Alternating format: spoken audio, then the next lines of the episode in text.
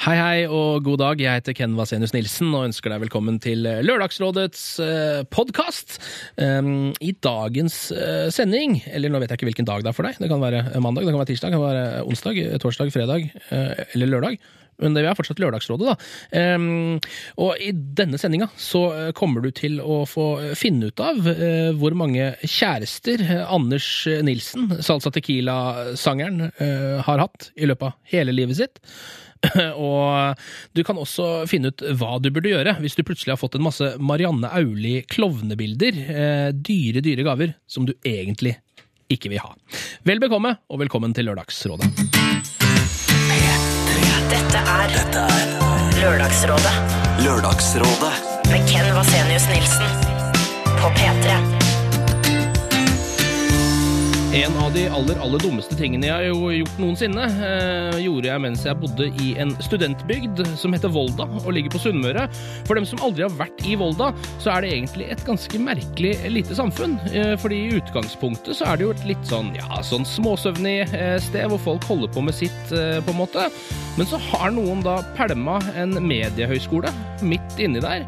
Så stedet har da blitt eh, invadert av østlendinger som vil bli noe innen media, eh, og som plutselig da bor midt i en sunnmørsbygd hvor det ikke er like stort omfang av release-konserter og pop-up-shops og gourmetpølserestauranter. Så da må man jo finne på ting selv, ikke sant? Ehm, så derfor så flyr alle østlendingene rundt der og setter opp revyer og superlimer dildoer faste pannene på hverandre og filmer hverandre mens de rir på sauer og sånn.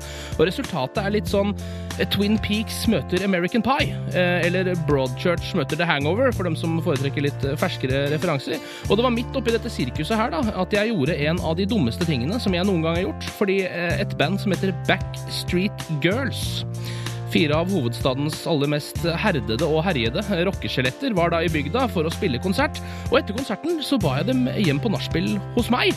Eh, og det passa dem egentlig glimrende, for de hadde noe hjemmelagd ferskenvin som de uansett skulle drikke opp da.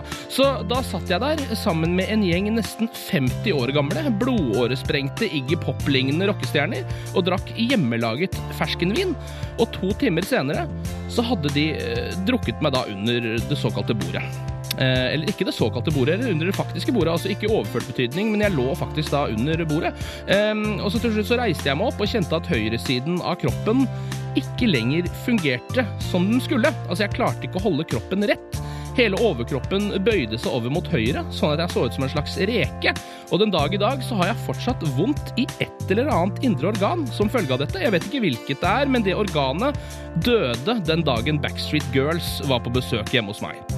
Og poenget er, for det er et poeng her, og poenget er at hvis jeg hadde spurt noen om råd, hvis jeg hadde spurt noen burde jeg, eller burde jeg ikke, akkurat nå dra på nachspiel med Norges eldste og mest drikkfeldige rockeband for å tylle i meg ferskenvin, da hadde jeg sikkert fått følgende råd. Nei, stå over det. Og så hadde jeg hatt 100% funksjonelle indre organer den dag i dag.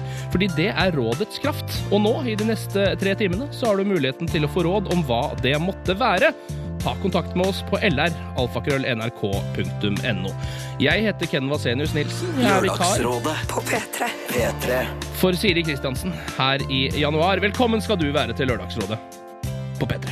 P3. Dette er Lørdagsrådet På P3. P3.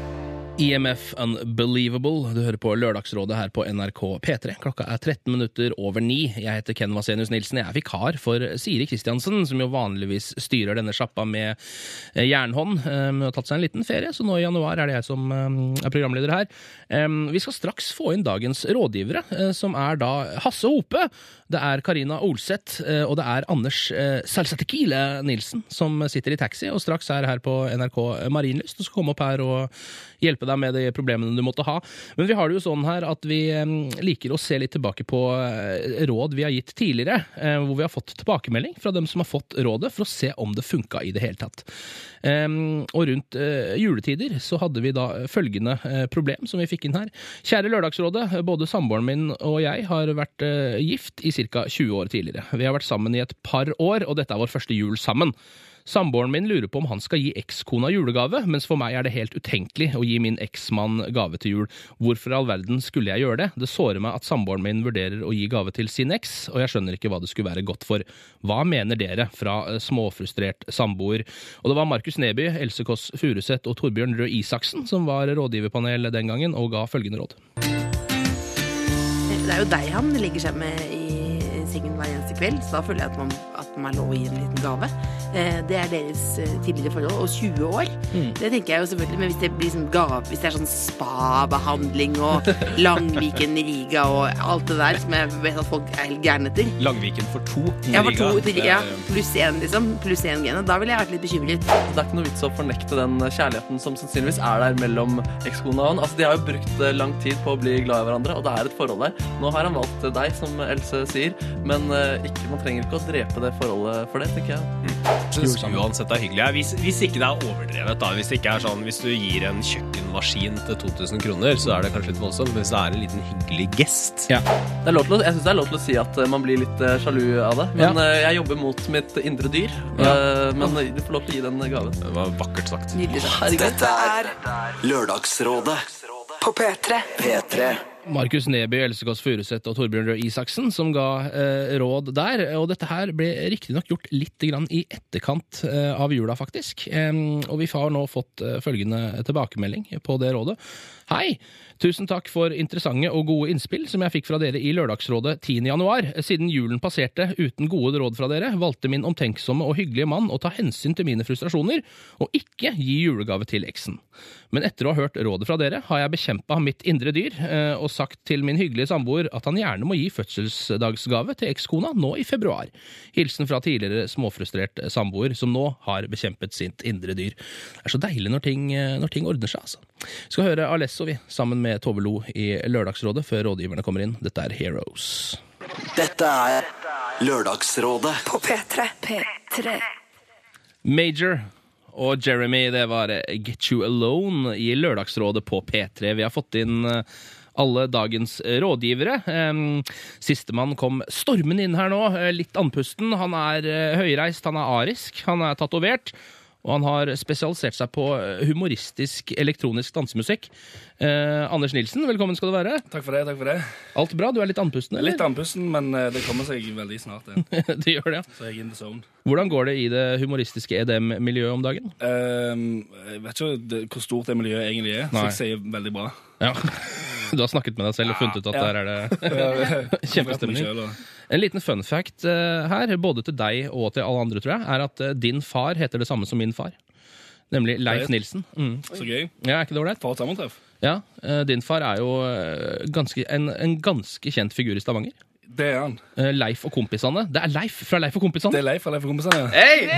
Det er, vært Han, applaus, han er altså. den eneste som har navnet sitt i bandnavnet i det bandet. Ja, for kompisene heter jo De er bare det. kompisene. Mm, ikke sant? Så han er den eneste som er Det er jo, en, eh, er jo helt, helt nydelig. Velkommen skal du være. Veldig hyggelig at du kom Takk, ut. takk. takk. Um, vi har også med oss eh, programleder i NRK-sporten, og visstnok også innehaver av en skuddfot som uh, skremte store deler av Nord-Norge i sin tid. Karina Karina Olseth, velkommen skal du være. Takk skal du ha. Fantastisk intro. Alt er bra. Hvordan, snør, og livet er fint. hvordan går det med Martin Ødegaard-feberen din? Jeg regner med at, den, eh, at det ikke finnes noe kur for den for tiden? eller? Nei, den har vart ganske lenge. Ja. Men nå, nå har den gått ned til under 40, så nå, nå er den stabil. Men eh, herregud, hvor artig det er. Er det ikke gøy? Ja, det er kjempegøy. Det er veldig gøy. Vi har også med oss uh, Bartemann, Japan-venn, eh, og en mann som Ja, nå har du, nå har du faktisk blitt skjeggmann. Ja, det er. Du, Hasse Hope. Hei! Også en veldig god intro. Takk. Ja, eh, Vanligvis løpende rundt i Oslos paradegate og, for å lage hyss med andre mennesker og filme det. Mhm, riktig. eh, I programmet Karl Johan. Mm. Eh, alt bra ellers med deg også, Hasse? Ellers i livet, kan ikke klage. Fire av seks. Fire av seks. Ja. Jeg lurer på, Er det du selv som har skrevet på din egen Wikipedia-artikkel 'Hasse Hope er også en habil quizer.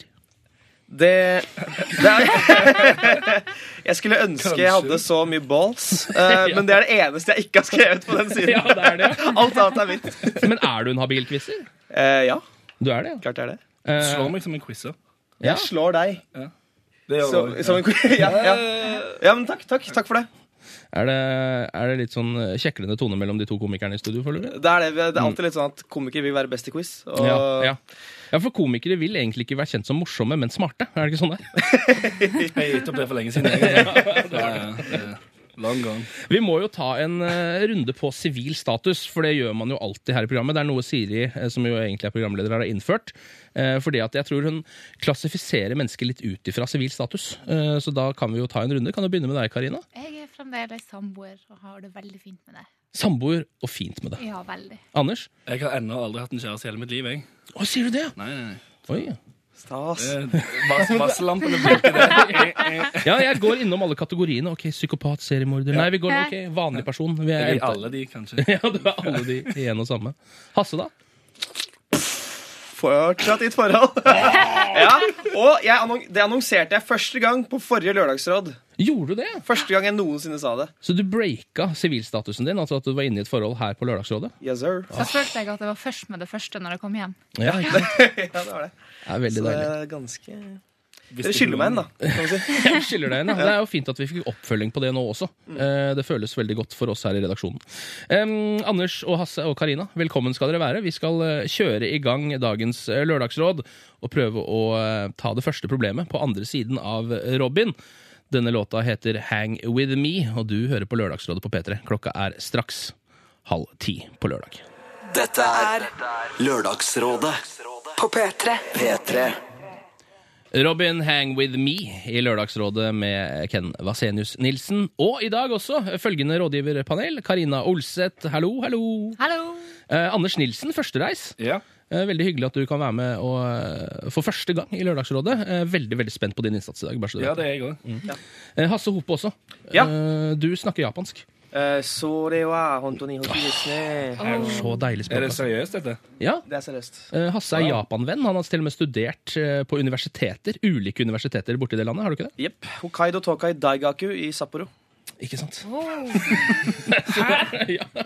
Ja, det er det. Ja. Jeg vet det er ser- sjukt. Dette er noe dere fant ut liksom før jeg kom, bare for å sette meg ut? nå. Ja, for jeg ser nå har du mind blown-face. ja, ja. Det får jeg, altså Hver gang jeg har vært på date, så har jeg alltid henta opp det etter en time. Så får jeg det ansiktet der. Ja. Og det er gull verdt. Ja. Det funker. Det var sånn du fikk din første kjæreste når du var 26? Ja. Ok. Eh, vi- skal i gang med dagens eh, aller første problem, Em, og jeg leser her borte. Hei, Lørdagsrådet. Jeg har et eh, spørsmål som handler om kjærligheten og hvor grensen mellom kjærester og gode venner går. Jeg har en venninne som jeg har kjent i snart to år, og vi har veldig god kjemi. Jeg sover hos henne hver dag. Hun bor i hybel, står det i parentes her, eh, og vi har det fett. Hun har sovet hos meg flere ganger, og vi har møtt foreldrene til hverandre. Begge har følelser for hverandre og er single. Samtidig som jeg har veldig lyst eh, til å ha statusen som kjærester, sier hun at hun ikke har lyst på kjæreste akkurat nå. Og sånn har det vært en liten stund. Hun er litt hemmelighetsfull overfor venner og familie. Spørsmålet mitt blir da følgende. Vil hun bare være friends with benefits, eller vil hun etter hvert bli noe mer? Hilsen den single tvilsomheten. Yes, Um, en da som um, vil bli sammen med dama som han driver og holder litt på med, men det virker ikke som hun kanskje har så lyst tilbake. Er det noe å satse på? Um, all erfaring tilsier nei. All erfaring tilsier nei. Ja. Oi. Har du mye erfaring på dette Nå er, nå er jo jeg en voksen dame i dette selskapet. Jeg er 33. Um, Nei. Uh, Nei, hun er ikke 33. Nei, du er ikke Nei, det er du ikke. Nei. men uh, eh, alle mine venninner, uh, og meg sjøl inkludert eh, hvis, det her, hvis, en sånn, hvis, all, hvis man er i en sånn situasjon, så blir det aldri noe mer. Ja. Aldri, nei. Nei, det, det, det skal veldig mye til. Tror jeg. Ja. Tror jeg. stemmer. Det stemmer. Du hiver deg bak Jeg det, hiver meg på den eh, vogna der. Er det noen av dere som har vært med i en lignende situasjon, da? Ja. Ja, du har det. Det, det varte i et år, og det er uh, den eneste gangen jeg har hatt kjærlighetssorg. Det var i en Ja. sånn situasjon. Å, ja. Jeg var ikke sammen med henne, men uh, hun sa hele tiden at Nei, ikke nå. Men kanskje. Ja, kanskje om tre-fire måneder. Kanskje om ett år. Du rister på hodet, Ja, Anders. det er Ja, bra. ikke sant? Det Og bra, det. det ødelegger deg helt. Ja. Det er ikke vits. Men eh, mener du at det ikke er noen som helst altså det han, han, er jo, han er jo veldig keen på henne. Ja. Eh, som eh, det han, De mulighetene han har, er jo enten å følge dette sporet videre, eller å bare hoppe helt av den vogna. Som han Altså- kanskje ikke heller har så lyst til. Han sier jo at de har det fett, de koser seg i lag. Og det, det er jo tydelig at de har et bra forhold. Men øh, de har et bra forhold så lenge han ikke krever noe mer. Ja. Idet han krever noe mer, så hun, kommer hun til å trekke seg unna. Mm. Han har jo tydeligvis eh, lyst på noe mer, kanskje. Men er det ikke også litt sånn Han risikerer jo ganske mye ved å, ved å, bare, ved å si fra om det også. I og med at det da kanskje bare kan være helt slutt. Virker som han kanskje syns det er Eller sånn Jeg tror han må bestemme seg. eh, Skal jeg eh, ta til takke og finne meg i at vi bare har det fett i lag, men vi blir aldri kjærester? Mm. Eller skal jeg forlange at vi skal være kjærester? Ja. Eller skal vi forlang- forlange statusen? Mm. Ja. For, det er den, for det er den han mangler. Mm. Det sto jo ikke noe, sto noe om hvorvidt de har liksom curryna litt, eller eh, Nei, men kost han seg i malmen. Um, Står det på liste Vi har gjort jeg, følgende. føler, jeg føler at det står mellom linjene Ja, på et altså eller Hvis annet vis. man sover sammen hver dag Tatt på pupp. Jeg har Ja. tatt på pupp. Ja, det har nok Eh, vært en liten tur. Jeg tror det har vært Klem. eh, Jeg tror ikke han sover på gjesterommet, for å si det sånn. Nei. Nei. Nei. Og så nevnes det jo også eh, 'friends with benefits', og det er vel Ja, litt det- ja, sånn stemmer det. pulevennbegrep, er det ikke det? Ja, Benefits Ja, jeg, Nei, det er din, du som nei, nei, nei, nei. Du lar det ordspillet i munnen hans. Ikke skyld på meg for det ordspillet, altså. Det går det ikke an å gjøre. Det er umenneskelig. Det er greit. Eh, Men så alle er enige om at eh, han burde hoppe av toget? Ja. Ja, eller så må han ta til takke med å ikke ha status som hennes kjæreste. Ja. Ja. Er det liksom en sånn um, Hvorfor er det så vanskelig? Antagelig fordi han har en, eh, har en drøm. eh, har en illusjon om at de har det så bra at det er, det er sånn et forhold skal være. Og så, Ja. Men så vil ikke hun. Ja. Ja, ikke Og hvis han har, liksom, hvis han har en dundrende, bankende forelskelse eh, for denne kvinnen, så, så kan det bli, fort bli farlig. Fordi da vil han bare engasjere, mer og, engasjere seg mer og mer, Mm. investere flere og flere følelser. Og jo flere følelser du investerer, eh, jo større sjanse er det for børskrakk. Ja. Uh, det- Eh, Jeg venter på den. ja, jeg, jeg, jeg klarte ikke helt å redde meg i land der, men Ja. Og det kommer til å gjøre vondt. ja, Det det kommer det. til å gjøre Ja. så inn i granskogen vondt. Men så nevnes det jo her at eh, For hun sier at hun ikke er klar eh, for kjæreste akkurat nå, er det hun hele tiden sier. Er det noe som faktisk er reelt når noen sier det, eller betyr det egentlig sånn ikke deg. Jeg kan sikkert bli sammen med noen nå, men det er ikke deg. Ja, altså Hvis du virkelig liker noen, så prøver man jo, gjør man ikke det? Ja, ikke sant? Altså, jeg vet jo absolutt ikke, fordi jeg aldri har kjæreste. Men. Men jeg typ, altså, jeg tror han vil, han vil ha det eh, dritt mye lenger hvis han lar det gå, Mm. enn hvis han bare cut the dead weight. Ja. Den ene gode unnskyldningen øh, hun kan ha, er hvis hun er veldig nysingel og ikke vil liksom såre eksen sin. Det, Ja. det er en grei unnskyldning. Mm. Da kan du si sånn Nei, om to måneder så er det, har det gått lang nok tid. Mm. Utover det nei. Nei, for det virker som dette her har vart eh, lenger enn det. Ja, ja men det er vel Det kanskje litt sånn 16 år. De har mot en med 16 år da. Nei, det Jeg er tror 55 jeg år gamle mann. Jeg tror den single, single tvilsomheten eh, Det virker som at eh, panelet her er ganske enige, altså. Eh, at dette her eh, kommer nok ikke til å bli eh, the love of your life, uansett hva du gjør. Um, og da må du jo da bestemme deg for eh, om det er godt nok for deg å bare være sammen med henne sånn som det er nå. Um, om du skal ta til takke med det, noe som jo ikke høres helt sånn Høres kanskje ikke helt riktig ut, det heller. Eller om du rett og slett må ta det opp med henne og si at vi må bli sammen, ellers så kan vi ikke holde på lenger. Eh, og det er jo den tøffe virkeligheten, rett og slett. Vi skal høre på Royal Blood Uh, her i Lørdagsrådet på P3. Ten Ton Skeleton! Og klokka den er straks ti minutter over halv ti. Dette er Lørdagsrådet På P3. P3. Royal Blood, Ten Ton Skeleton. Du hører på Lørdagsrådet her på NRK P3. Vi har eh, Karina Olseth, Hasse Hope og Anders Nilsen i eh, studio. Um, og nå skal vi ta fatt på et uh, nytt problem vi har fått inn her på mail. Kjære Lørdagsrådet. Takk for mange gode lørdager sammen. Takk for det, det var hyggelig. For en tid tilbake uh, var jeg singel. I denne perioden data jeg en og annen mann. I ettertid har jeg tenkt at to av mennene jeg data, trolig var homofile. Disse to har mange fellestrekk. De har utrolig lyst på barn, eh, de er kjempeinteressert i interiør, de elsker å gå på ski, de bruker mye tid på å ta vare på egen kropp. Begge liker dyr, begge er interessert i eh, Begge elsker sko, og de viser ingen interesse for kvinnekroppen. Eh, Begge jobber med store anleggsprosjekter, og de har omtrent samme alder. Jeg tror disse to mennene hadde passet perfekt for hverandre, og at de kunne funnet ut av eh, legning og andre ting i fellesskap. De to bor ca. tre timer fra hverandre, så selv om de deler interesser, kommer de nok aldri til å møtes tilfeldig. Bør jeg stelle i stand noe for at disse to skal møtes? I så fall hva? Jeg har jo egentlig ikke kontakt med disse mennene lenger, og min kjæreste vet ingenting om dem. Hilsen usikker Kirsten Giftekniv. Um, ja, bør hun øh, sette i gang med dette prosjektet? Hva syns dere om det? Jeg sier ja, definitivt. ja. Enten så blir de sammen, eller så blir det en helt fantastisk situasjon mellom de to som er helt sånn forferdelig. Kan, kan vi sende et kamera med? Ja, ja. Ja, det burde det være. Ja, så du mener at det er verdt det uansett? Ja, øh, definitivt. om ikke de blir sammen, så får man i hvert fall en øh, sitcom-situasjon oh, i ja. virkeligheten. Jeg vil gjerne lage TV-serie ut av det der. Faktisk. I åtte Ja. episoder, bare Ja. den situasjonen der. Jeg tror jeg faktisk jeg skal pitche inn for Kringkastingssjefen, altså. Pinlig stillhet i åtte episoder. Så du òg liker anleggsarbeid? Ja, ja, ja. Ah, kult. Oi, se der borte, det er et skap i hjørnet der. Skal vi gå inn i det? Jeg må jo si, jeg må jo si at jeg syns hun her dama er veldig, veldig omtenksom. Ja. Altså, hun har ny kjæreste, altså hun har ikke data på en stund. eh, men de her to eh, har hun likevel brukt tid på å tenke mye på. Så mye at hun har funnet ut at de er perfekt for hverandre. Ja. Snill dame, altså. Ja. Men hvordan i i alle dager skal man gå fram hvis man skal gjøre dette? Vil du ha oppskriften? Ja, Da skal du få den. Ja, kom igjen. Eh, det du gjør, er at du ca. en måned før de skal møtes, så ringer du til eh, utestedet London.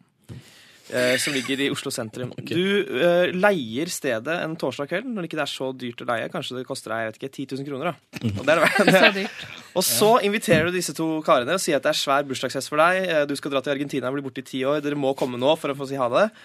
Eh, og så kommer de, da. Og så er det liksom, kommer de inn, det er et mørkt rom. Du låser døren bak dem. Skru på uh, Village People, og så, og så ser du hva som skjer. ja. Jeg tror det funker. ja. Eh, Det høres jo litt ut som en film fra 90-tallet. Eh, Mer enn eh, kanskje livet. Men Det høres mer ut som en film fra internett. Fra et nettsted som har homofil pornografi. Det kan, ja, det kan godt ja, kanskje Ja. det er det de gjør, ja. Eh, Men har du noe å tape på å sette i gang med dette, her da? bortsett fra ekstremt mye pinlighet? Er det noe å tape? Veldig, veldig gøy. Altså, nå, nå, nå er det jo to veldig morsomme eh, og, og folk med, med veldig mange artige koblinger oppi topplokket ved siden av meg her. Eh, For, sånn, for, for å være litt seriøs, la det ligge. Jaha, Ja. Hvorfor det, da? Nei, altså, jeg har møtt mange forskjellige typer menn i, i eh, løpet av både studietid og, og arbeidstid, og, og du kan Altså, de mest maskuline og eh, største og sterkeste, og altså, de kan være superhomofile. Mens eh, du av og til har han som liker å stelle blomster, og du, du kom, altså, en, en i studietida, vi kom inn på hybelen hans, og det var liksom en grønn oase, ikke sant? ekstremt glad i kvinnfolk. Ja. Eh, hadde, hadde Tinder vært på den tida, så hadde han vært eh, Han hadde, han hadde rula Tinder. Ja. Sånn at ehm, Det kan jo hende at hun, man får seg liksom en morsom situasjon og pinlige greier og sånt, men, men eh, hvis du ringer til en sånn fyr og sier Du, hei, jeg har møtt en annen fyr. eh, Jeg tror kanskje dere passer Nei. La det skriver la det ligge. tekstmelding til begge og bare spør veldig sånn Hei, liker du menn? Vil du treffe en fyr? Ja. Ja, Og så ta den ærlige ruta, Ja, ja. Ja. ikke, liksom? Ja, ja. Kanskje det er en vei ut. Fordi jeg merker jo at hvis man skal begynne å eh, bare, ta u bare regne med at begge to er homofile eh, For det, jeg ser for meg at sannsynligheten kanskje er ganske liten for at begge er det også. Litt sånn der, Kanskje. Kanskje han ene er det, kanskje han andre ikke er det. Ja. Er det én av ti som er homofile? Én av 20? Ja, kanskje det. Ja, så det er én av 20 ganger én av 20. Én av 40. Altså Ja. 3 sjanse eller noe.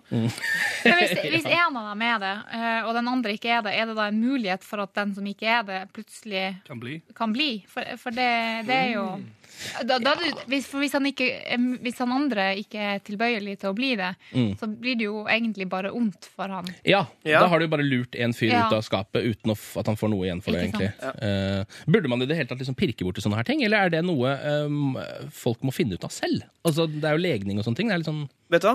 De kan finne ut av selv, men du kan hjelpe dem på vei uh, helt risikofritt ved å bare invitere til et middagsselskap med sånn åtte mennesker.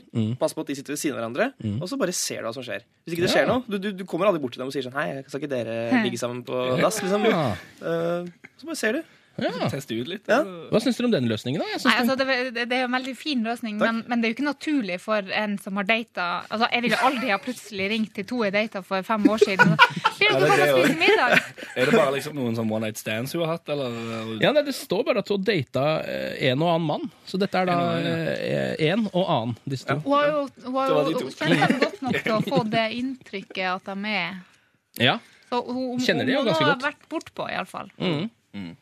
Ehm, ja, men altså, det er jo litt sånn at uh, hvis Altså, selvfølgelig, det er jo gøy å uh, på en måte regissere livet. eh, Og gå inn der og gjøre eh, ting. Sette spleisefolk og holde på. Men virker det kanskje som det er litt mye som skal til for at dette skal ende opp med noe bra, eller? Ja, men jeg tenker sånn uansett. Du lever én gang. Eh, ikke si den forkortelsen som Ikke si den. Nei. Nei, Nei. Jeg Vet ikke hvilken du om. ja, du lever en gang. Eh, om, om du prøver å fikse noe greier, og det ikke går, big deal. Mm. Det er liksom, det er, kom igjen. Det er noen timer ut av livet deres. Hvis de først møtes og det er fantastisk kjemi, så Ja. er det verdt det. Men hvis han hvis setter i gang med dette middagsselskapet som du skisserer opp, da, Ja, ja. eh, så vil jo det også bety at hun sitter der sammen med to på en måte ekser. Eller Ja. to og data, da, sammen med den nye kjæresten sin, sannsynligvis også. Det kan jo ende i noe helt Nok annet igjen. en god situasjon. Ja.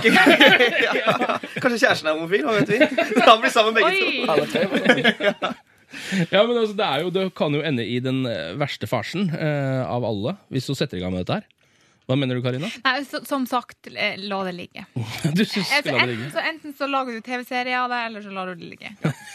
Vi blir ikke enige her, tror jeg. Nei, det, vi blir nok ikke det. Jeg tror det er to uh, her i, i panelet som er litt for glad i sitcoms. Uh, og som gjerne vil at livet skal være en. Kanskje. Kanskje det er det du må tenke på. Uh, her borte, usikker Kirsten Giftekniv, på om hvis du vil ha et sitcom-liv, så følg Anders og Hasse sitt spor. Hvis du vil ha et ordentlig liv uten altfor mange komplikasjoner eh, og for mye tull, så kanskje du kan følge Karina sitt eh, råd og beholde deg unna det, rett og slett. Um, for det kan virke som et litt vanskelig prosjekt, rett og slett. Nicki Minaj får du i Lørdagsrådet nå. Dette her er Bed of Flies. P3 Dette er Lørdagsrådet på P3. P3. Deadmouse sammen med Chris James The Welt var det du hørte i Lørdagsrådet på P3 med Karina Olseth, med Anders Nilsen, med Hasse Hope og med meg, Ken Vasenius Nilsen, i eh, dag. Et spørsmål til eh, dagens eh, panel. Har dere noen gang vært forelska i noen som har vært i et forhold? Utelukkende. Utelukkende. ja, hvordan var det, da? Jeg blir bare forelska i sånne jenter som, er sånn, som du ikke kan få. Å ja. Og kjæreste, sier åh, kjempeforelska. Å ja, det er det. Oh, Nei. trist. Men nei, Hasse? Eh, ja, jeg tror i hvert fall to ganger. I hvert fall to ganger. Ja, uten ballene Siste til uke. å Ja, siste Ja, uten ballene. For hva skjer da? Hva er det du har gjort da? Du har hatt lyst på en dame, Uh, hun har vært sammen med noen andre, og du har gjort hva? Det starter gjerne med at jeg møter henne på en fest, og så snakker vi sammen i flere timer uten at jeg får vite at hun har kjæreste, og så Ja. sjekker på Facebook neste dag. Allerede bygget opp masse følelser for henne. Ja. Og så er det sånn Å ja. Har ikke kjangs. Og se på han der. Oi, 1,90. Åh. Sånn. Anders, du er jo 1,90. Jeg er 1,90. Ja. Det var faktisk Det var deg! Det var, det var meg. Det var meg. Men eh, er det da sånn at eh, hvis du hadde visst at denne dama hadde hatt kjæreste fra starten av, så hadde du på en måte ikke klart å utvikle de samme følelsene, tror du, eller? Eh, Eller ja, det, jeg ville sikkert laget en liten sperre. En Ja. liten kinesisk mur mellom eh, følelsessenteret hjernen og rasjonaliteten min. Ja. Ja. Hva med deg, Karina? Har du noen gang vært med på noe sånt? Ja da. Var det noe hyggelig, syns du? Nei, Nei. det var jo ikke det. Det er jo som oftest ikke hyggelig. Nei. Men eh, eh, både, det er en del menn også som har en tendens til å la være å opplyse om en sånn vesentlig ting Ja. når man blir sjekka opp. Ja. For det er dårlig gjort. Ja, ikke sant? Men det er jo den andre, på en måte, hvis man ser på den fra den andre siden, da. Eh, er det liksom greit å være litt sånn flørtende når man er eh, sammen med noen andre? Og ikke opplyse om det? Har man en slags sånn moralsk Jeg mener man har, man har I hvert fall hvis man går i Hvis man, hvis man er på tydelig oppdrag Mm. eh, ute på Youngstorget, eller hvor man nå går ut hen. At, og hvis man liksom får den der Du merker jo med en gang om en fyr er på. Mm. Ja. Og hvis, han, hvis man gjør det, eh, og har en som venter på deg hjemme, det er dårlig gjort. Ja. Det skal du ikke gjøre. Altså, jeg mener det er lov å være liksom hyggelig pluss pluss. Ja. Uh, ikke, ja. sånn, ikke begynne å bli fysisk, bare litt sånn Det er lov å få litt bekreftelse her og der. Ja. Uh, det mener jeg. Ja, du kan, si, du, du kan gi uttrykk for at du syns det er veldig hyggelig å møte nye Ja. folk. Og, nye, og, og at det vi, nå har vi det koselig, Mm. men uh, ikke, ikke direkte flørting. Ikke direkte flørting, nei. Men hva er liksom, flørting er jo bare prating, det også. Jo, men det er lada prating. Ja, ja, Men hvordan, hvor går liksom den grensa? Det er jo nesten helt umulig å vite. Den, eh, det, den kjenner man. Jeg, gjør ikke, jeg, selv, tror ja. jeg, kan, jeg tror ikke jeg kan forklare hvordan den grensa er. Nei, for hvis, da, hvis Hasse står og snakker med en dame, eh, og så får han masse bekreftelse, fordi det vil han ha. ikke Sef. sant? Du vil jo det. Ja. Er ikke det allerede litt sånn flørting, da? At hun står og sender deg bekreftelser? Nei, jeg kan stå og motta det en liten stund, og så Men, men er det forskjell på når du flørter, eller når du bare liksom prøver å være hyggelig? Hvis jeg blir flørta med, så kan jeg egentlig bare stå der og være hyggelig tilbake. Uten å måtte flørte tilbake. Eh, Ja. Så hender det man må flørte litt selv for å få det tilbake. Men uh, altså, jeg, jeg er ganske grei sånn. Altså, jeg er ikke noen tulling. Men du skrur det liksom Du skrur det på? Flørten, liksom? Akkurat, ja. Men eh, det er en eh, standup-komiker som eh, heter Demetri Martin. Som har en, eh, en eh, sånn vits på dette her som han kaller for the boyfriend bomb. Ja. Og det er på en måte når du, er, når du snakker med for eksempel, Hvis jeg snakker med en jente uh, en stund, og det er veldig god stemning, og så plutselig så slipper hun liksom boyfriend-bomben og sier i en eller annen setning sånn Yeah, oh yeah, because my boyfriend, he went to Paris one time. Ja. Og da er greia, da må du på en måte beholde det samme ansiktsuttrykket som før hun sa det, for å bare vise at ah, det har ingenting å si for meg. Det. Ja. Ja, oh, ja, han var i Paris, kult! Ja, ja, ja. Og det er vanskelig. Jeg forventa dette, liksom. Så. Veldig vanskelig. faktisk. Vi skal eh, inn i et problem som eh, ligger i dette landskapet. eh, På andre siden av Iggy Azelia, som her har fått med seg Charlie XCX. Du hører på Lørdagsrådet på P3. Denne låta den heter Fancy. Dette er Lørdagsrådet På P3. P3. Iggy Azelia, Charlie XCX Fancy i Lørdagsrådet på P3. Klokka har blitt fem minutter over ti. Vi har Hasse Hope, vi har Anders Nilsen og vi har Karina Olseth i studio for å løse opp i de problemene som vi får inn eh, i innboksen vår. Og nå eh, skal vi over i eh, landskapet forelskelse eh, og eh, forhold eh, på mange mulige måter der borte. Hei, eh, Lørdagsrådet. I utgangspunktet eh, er det ikke så komplisert når to personer liker hverandre godt. Men når det er en tredjepart inne i bildet, så blir alt eh, brått mye vanskeligere. Fordi han har nemlig dame. Long story short, eh, vi to går i samme klasse, henger sammen hver dag på skolen, eh, småflørter på skolen, snakker sammen døgnet rundt og driver med sexting på Snapchat. Dette har foregått over noen måneder nå, og jeg har falt pladask for han. Fordi han er bare helt fantastisk. Drømmemannen, rett og slett. Enn så rart det høres ut, slik som han behandler dama si, for hun vet ingenting om noe og tror alt er bra. Men mot meg så er han fantastisk og får meg til å føle meg uh, veldig veldig bra. Er det naivt å tenke uh, at man kan falle for andre selv om man er i et forhold, uh, og at det er det dette er? Eller burde jeg trekke meg unna? Vet egentlig ikke om det går, for vi har blitt såpass gode venner også. What to do? Hilsen jente mellom 20 og 25. Mellom 20 og 25. Ja. Du er Ja, anonym. gutta, trenger ikke lyge på alderen. Anonymisert seg selv. Altså, jeg må bare si at alle ansiktene Da det kom opp sexting, så sperra vi øynene opp. Alle. ja. Really? ok. Interessant, det. For, for noen drømmemann. Sexting på Snapchat. Ja, uh, hva syns dere? Hva syns du, Anders? Ehm, et, altså, hun spør om uh, man kan bli liksom interessert i noen andre mens man er i forhold. Ja, og så lurer vel på om denne andre fyren som driver og flørter med henne, uh, legger noe i det, eller om det bare er bekreftelse, sånn som vi var inne på tidligere. Ja, sånn, ja. Mm. Jeg tenker at Hvis det hadde vært noe i det, så hadde han jo dumpa dama Ja, før det skjedde noe mellom de to. Og gjort det liksom skikkelig. Gjort det ordentlig, ja. Ja. Mm. tenker Hvis han gjør det mens de ennå er sammen, så er det litt sånn eh, Hvis du gjør det nå, så kan du gjøre det igjen. Mm. Men hvis han har gjort det liksom skikkelig, da finner ut at jeg liker hun mye bedre, jeg har ikke følelser for kjæresten min lenger, Mm. gjør det slutt med kjæresten sin først, sier beklager, jeg har fått følelser for noen andre, ærlig og redelig og alt det der, mm. og så Ja, det er jo en fin tanke. Jeg vet jo også om mange par som på en måte, hvor de har blitt sammen mens en av de egentlig har vært sammen med noen andre. Og det har vist seg å være liksom eh, det virkelig store. De har barn sammen og har gifta seg og vært sammen i 20 år. Det går an å bli forelska i en annen person når du er i et forhold. Mm. Det går helt fint an. Men det er et veldig godt poeng Anders har her. Hvis, du, hvis, det, hvis sånn her typen er en bra fyr. en Mm. bra fyr og er, er ferdig med kjæresten sin, så, hadde han vært, så burde han i hvert fall være mann nok til å avslutte der. Mm. Hvis ikke kjæresten banker han, da. Ja, nå kommer han på hvor svær han er, liksom. Men altså, jeg, jeg tenker er Hvis han er liten og hun samler på kniver, så er det en dårlig idé. Står ikke noe om det. Men jeg tror, jeg tror uh, det er ikke så mye gærent hun kan gjøre, annet enn mot seg selv. Altså, litt som vi var inne på i stad, Hvis hun liksom får masse følelser for han, så kan hun risikere å bli såret. Men jeg føler ikke det er noe gærent i at hun tar imot flørting og flørter litt tilbake. Altså, det er egentlig opp til den som er i forholdet, å eventuelt stoppe det, eller Ja. ta det videre til neste steg. Så det moralske ansvaret ligger hos den som er i forholdet. Det mener jeg. Den single personen har ikke noe. Hvis eh, den her personen som er i, altså dama som er i forhold med denne mannen, finner ut av det her, så er det jenta det går utover. Ja. Ikke gutten. Så har hun kniver, så er det, det, det, Ja. er det, det er det jenta som bør passe seg. Så bør hun begynne å spisse eller ja, Ja. eh, fikse opp i Bør det gå litt. da. med en sånn vest eller et eller annet. Ja. Kevlar. Får med den stikksikre vesten bare for å være sikker. Men eh, altså, ehm, jeg bare tenker at det, man vet jo liksom, Det er jo alltid riktig å gjøre ting redelig, men er det sånn at en person, altså denne mannen, da, som nå flørter eh, med denne jenta, eh, selv om han er sammen med en annen eh, dame, er det sånn at han er en elendig fyr og alltid kommer til å være det pga. det? Uh, at han gjør dette her nå? Hvis han blir sammen med henne, da, kan jo hende det blir kjempebra. At han aldri kommer til å være noe utro eller Det kan, det kan bli bra, men uh, jeg vil vel si at eh, det er høy sannsynlighet for at han kan gå lei igjen. Ja, tror du det? Ja. Ja. For han har allerede brutt den der Hva skal jeg si eh, muren ved å gjøre det én gang. Ja. Når du har gjort det én gang, så er det lettere å gjøre det en gang til. Ja. Jeg tror nok, hun kommer nok til å, hvis, hun, hvis det blir slutt med om de og de blir sammen, så vil nok hun ganske ofte gå rundt og tenke Når skjer det med meg?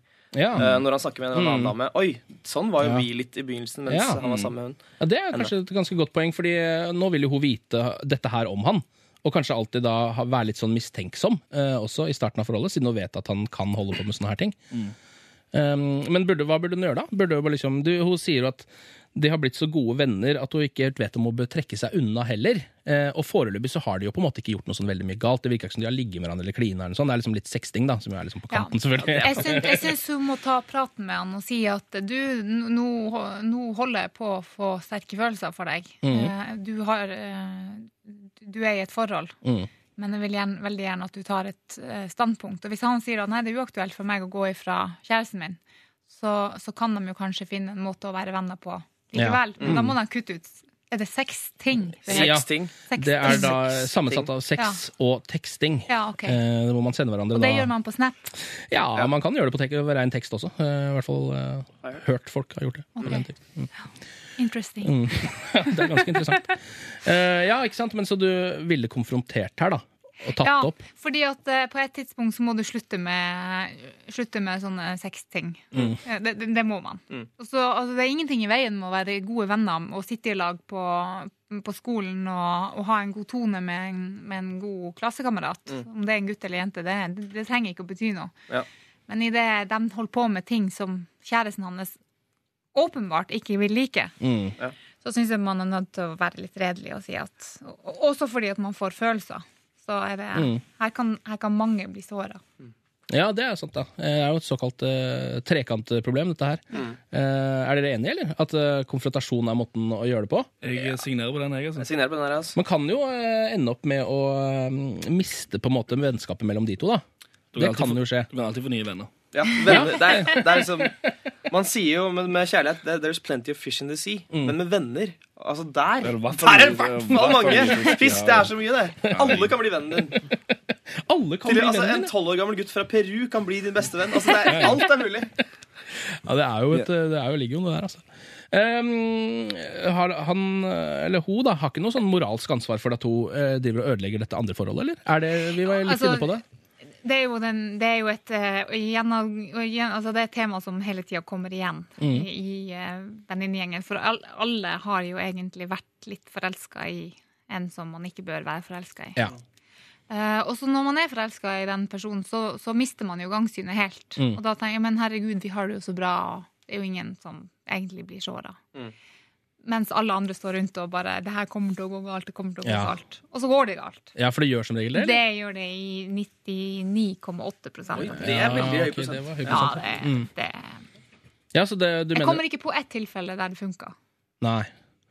Nei, ikke sant.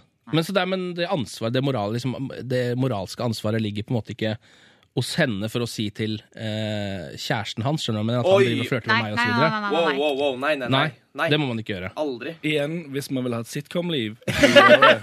Gjør det. Men hvis ikke, så nei. Hvis ikke, så ikke gjør det. Nei. Nei, men Det er vel det måten å gjøre det på, da. Eh, Jente mellom eh, 20 og eh, 25. Det er jo en litt sånn vrien situasjon du er i. Eh, Men det virker vel ganske lite sannsynlig at du og denne mannen kommer til å få det kjempebra sammen, kanskje. Litt fordi at han eh, muligens eh, er av den typen som, eh, selv om man er sammen med noen, eh, godt kan flørte med andre, kanskje gå litt eh, fort lei. Og også fordi det er jo en annen part inne allerede her. Eh, Så da må du nesten ta den praten med han. Se om han eh, har lyst til å slå opp med dama si for å bli sammen med deg eventuelt. Men selv da så er det ikke sikkert at det er liksom liv laga. Er det det som er dagens råd, eller? Jepsi pepsi. Da er det bare å prøve seg fram, eh, jenter mellom 20 og 25. eh, Se om det funker. Gi oss gjerne en tilbakemelding. eh, Eller alfakrøll.nrk.no. Vi elsker å få vite om rådene våre funker eller ikke. Du får alt J her i Lørdagsrådet nå. Dette her er Left Hand Free. Dette er Lørdagsrådet På P3. P3. Alt J Left Hand Free. Klokka er 18 minutter over 10, og du hører på Lørdagsrådet på NRK P3. Jeg heter Ken Vasenius Nilsen. Jeg er vikar for Siri, som har tatt seg en liten ferie. Stikket til Son, eller bor jo der, så blitt i Son, da. Jeg skal egentlig være der en hel måned for å pusse opp og sånn. Det er sånne ting Siri liker å gjøre. Eh, I dag så er det Hasse Hope, eh, det er Anders Nilsen og det er Karina Olseth som eh, sammen med meg da, løser problemene du måtte ha hvis du tar kontakt med oss. Eller alfakrøll.nrk.no. Og Vanligvis så tar vi også opp eh, en mer eller mindre sånn aktuell sak eh, her i Lørdagsrådet. da. Eh, Og denne gangen så er det en lytter som har gitt oss en nøtt her borte. Eh, Det er bare å henge med. Hei! Jeg har den siste uken solgt ca. ti Charlie Hebdo-blader eh, på finn.no til ca. 10 000 kroner. Eh, Jeg kjøper disse på eBay og sender dem rett hjem til kundene i posten. Jeg får svært varierte reaksjoner, alt fra folk som gladelig kjøper det, til folk som skriver lange mailer om hvor smakløst, forkastelig og grådig monster jeg er. Jeg ser naturligvis deres side av saken, at det kan være etisk diskuterbart å profitere på noe som har sin opprinnelse i en forferdelig terroraksjon der mange mennesker mistet livet. På den andre siden kan man se på det som at jeg yter en tjeneste, der folk som ønsker seg bladet, som kanskje har en emosjonell tilknytning til hendelsen og ellers ikke ville fått kjøpt det, kan få tak i det gjennom meg. Jeg sliter litt med å bestemme meg for hvor uetisk dette er. Er jeg en uetisk og kapitalistisk tyrann? På forhånd takk. Eh, Hilsen eh, Martin. Ja, er Martin uetisk og kapitalistisk og tyrannisk? Altså, tenker jeg, Hvis du bare ser kun hustlen i dette, veldig, veldig bra. ja. Godt jobba. Bare, ja, liksom Få så mye penger for noe som er så enkelt for han. Mm. Bestiller på eBay, shipping address til den personen som har kjøpt det. Mm. Får så masse penger. Supersweet. Ja. Ja. Altså, jeg tenker jo dette, dette må jo være snakk om veldig veldig gamle mennesker som ikke vet hvordan man kan kjøpe ting på eBay for en billig penge. Altså, Ja, da kommer det jo et, eh, et annet eh, etisk spørsmål inn i bildet også, da. På en måte. Da har du både terroraksjonen og det at man utnytter litt eldre mennesker. ja. Eh, Hvis det er det der. Nei, men altså, man utnytter jo Jeg vil ikke si at han utnytter dem, fordi at du tenker, altså, Når du skal reparere en bil, så er det jo Hvis du, hvis du har litt omløp oppe og har litt interesse for det, så, så finner du jo ut hvilket eh, verksted som gir deg det beste tilbudet. Ja. Du, uh, du blir, det er jo ikke verste sin skyld at du går til det dyreste verkstedet. Skjønner du? Mm. Eh, Det er jo ikke denne fyren sin skyld at de som kjøper det bladet, ikke vet hvordan man skal få tak i det Nei. til en billigere penge. Mm. Så akkurat det går jeg ikke med på. Nei, så det er ikke uetisk, i Nei, hvert fall. det Det er helt greit. ja. Ja, han yter en tjeneste, og sånn er det bare, liksom. De kan velge noe annet. Ja, ikke sant? Ja, men altså, jeg bare tenker sånn, Hvis vi kan overføre det til andre liksom, lignende situasjoner Mm. uh, Er det for eksempel, er det uetisk å liksom, selge for eksempel, en eller annen medalje som en fallen soldat i andre verdenskrig har, eh, har liksom Ja, sånn, ja. er, er, det, er det uetisk? Altså, Jeg vet ikke, jeg har et eller annet fordi- inntrykk at det er ganske vanlig. Ja, det er ganske Det er sånn vanlig. som dukker opp på sånne auksjoner rundt omkring hele tiden. Men det er 70 år siden, så det er, Ja. liksom, det er greit. Det Problemet er at det er for ferskt. Mm. Eh, ja. Eh, Den terroraksjonen er så fersk at det på en måte Nå har de vel akkurat kommet i jorda. Mm. Og det er kanskje det folk reagerer på. Ja. Ja, det kan hende. Eh, hva syns dere, da? Reagerer dere på det? Var det noen av dere som tenkte sånn 'herregud, for en tulling'? Nei, jeg tenkte ikke at han er tulling, men uh, det, det her er jo, altså, hvis, man, hvis man vil gå inn i materien på det her, så er det jo veldig mye man kan reagere på med det bladet. Mm. Uh, distribusjonen av sånne tegninger. Mm. Uh, om man, eh, er, man provoserer fram reaksjoner hos muslimer. Altså, sånne, sånne type ting. Kan, Hvis jeg går inn i det, så kan jeg synes at han skal bare ligge langt unna de Charlie Hebdo-bladene. Ja. Men, men det å videreformidle salg altså Han er jo businessfyr. Ja. Ja. sånn? Han er jo det. ja. Markedet bestemmer. Altså, ja. Ja, Det er jo liksom på en måte rein eh, kapitalisme, da. Eh, tilbud og etterspørsel. Han har jo eh, etterspørsel her, og kommer med tilbud. Ja.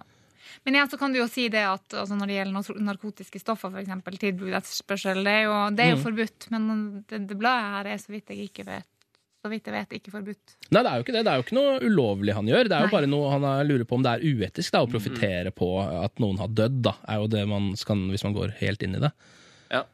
Kunne kanskje ventet Jeg vet ikke. Men hvor lenge venter man før det liksom er Ja.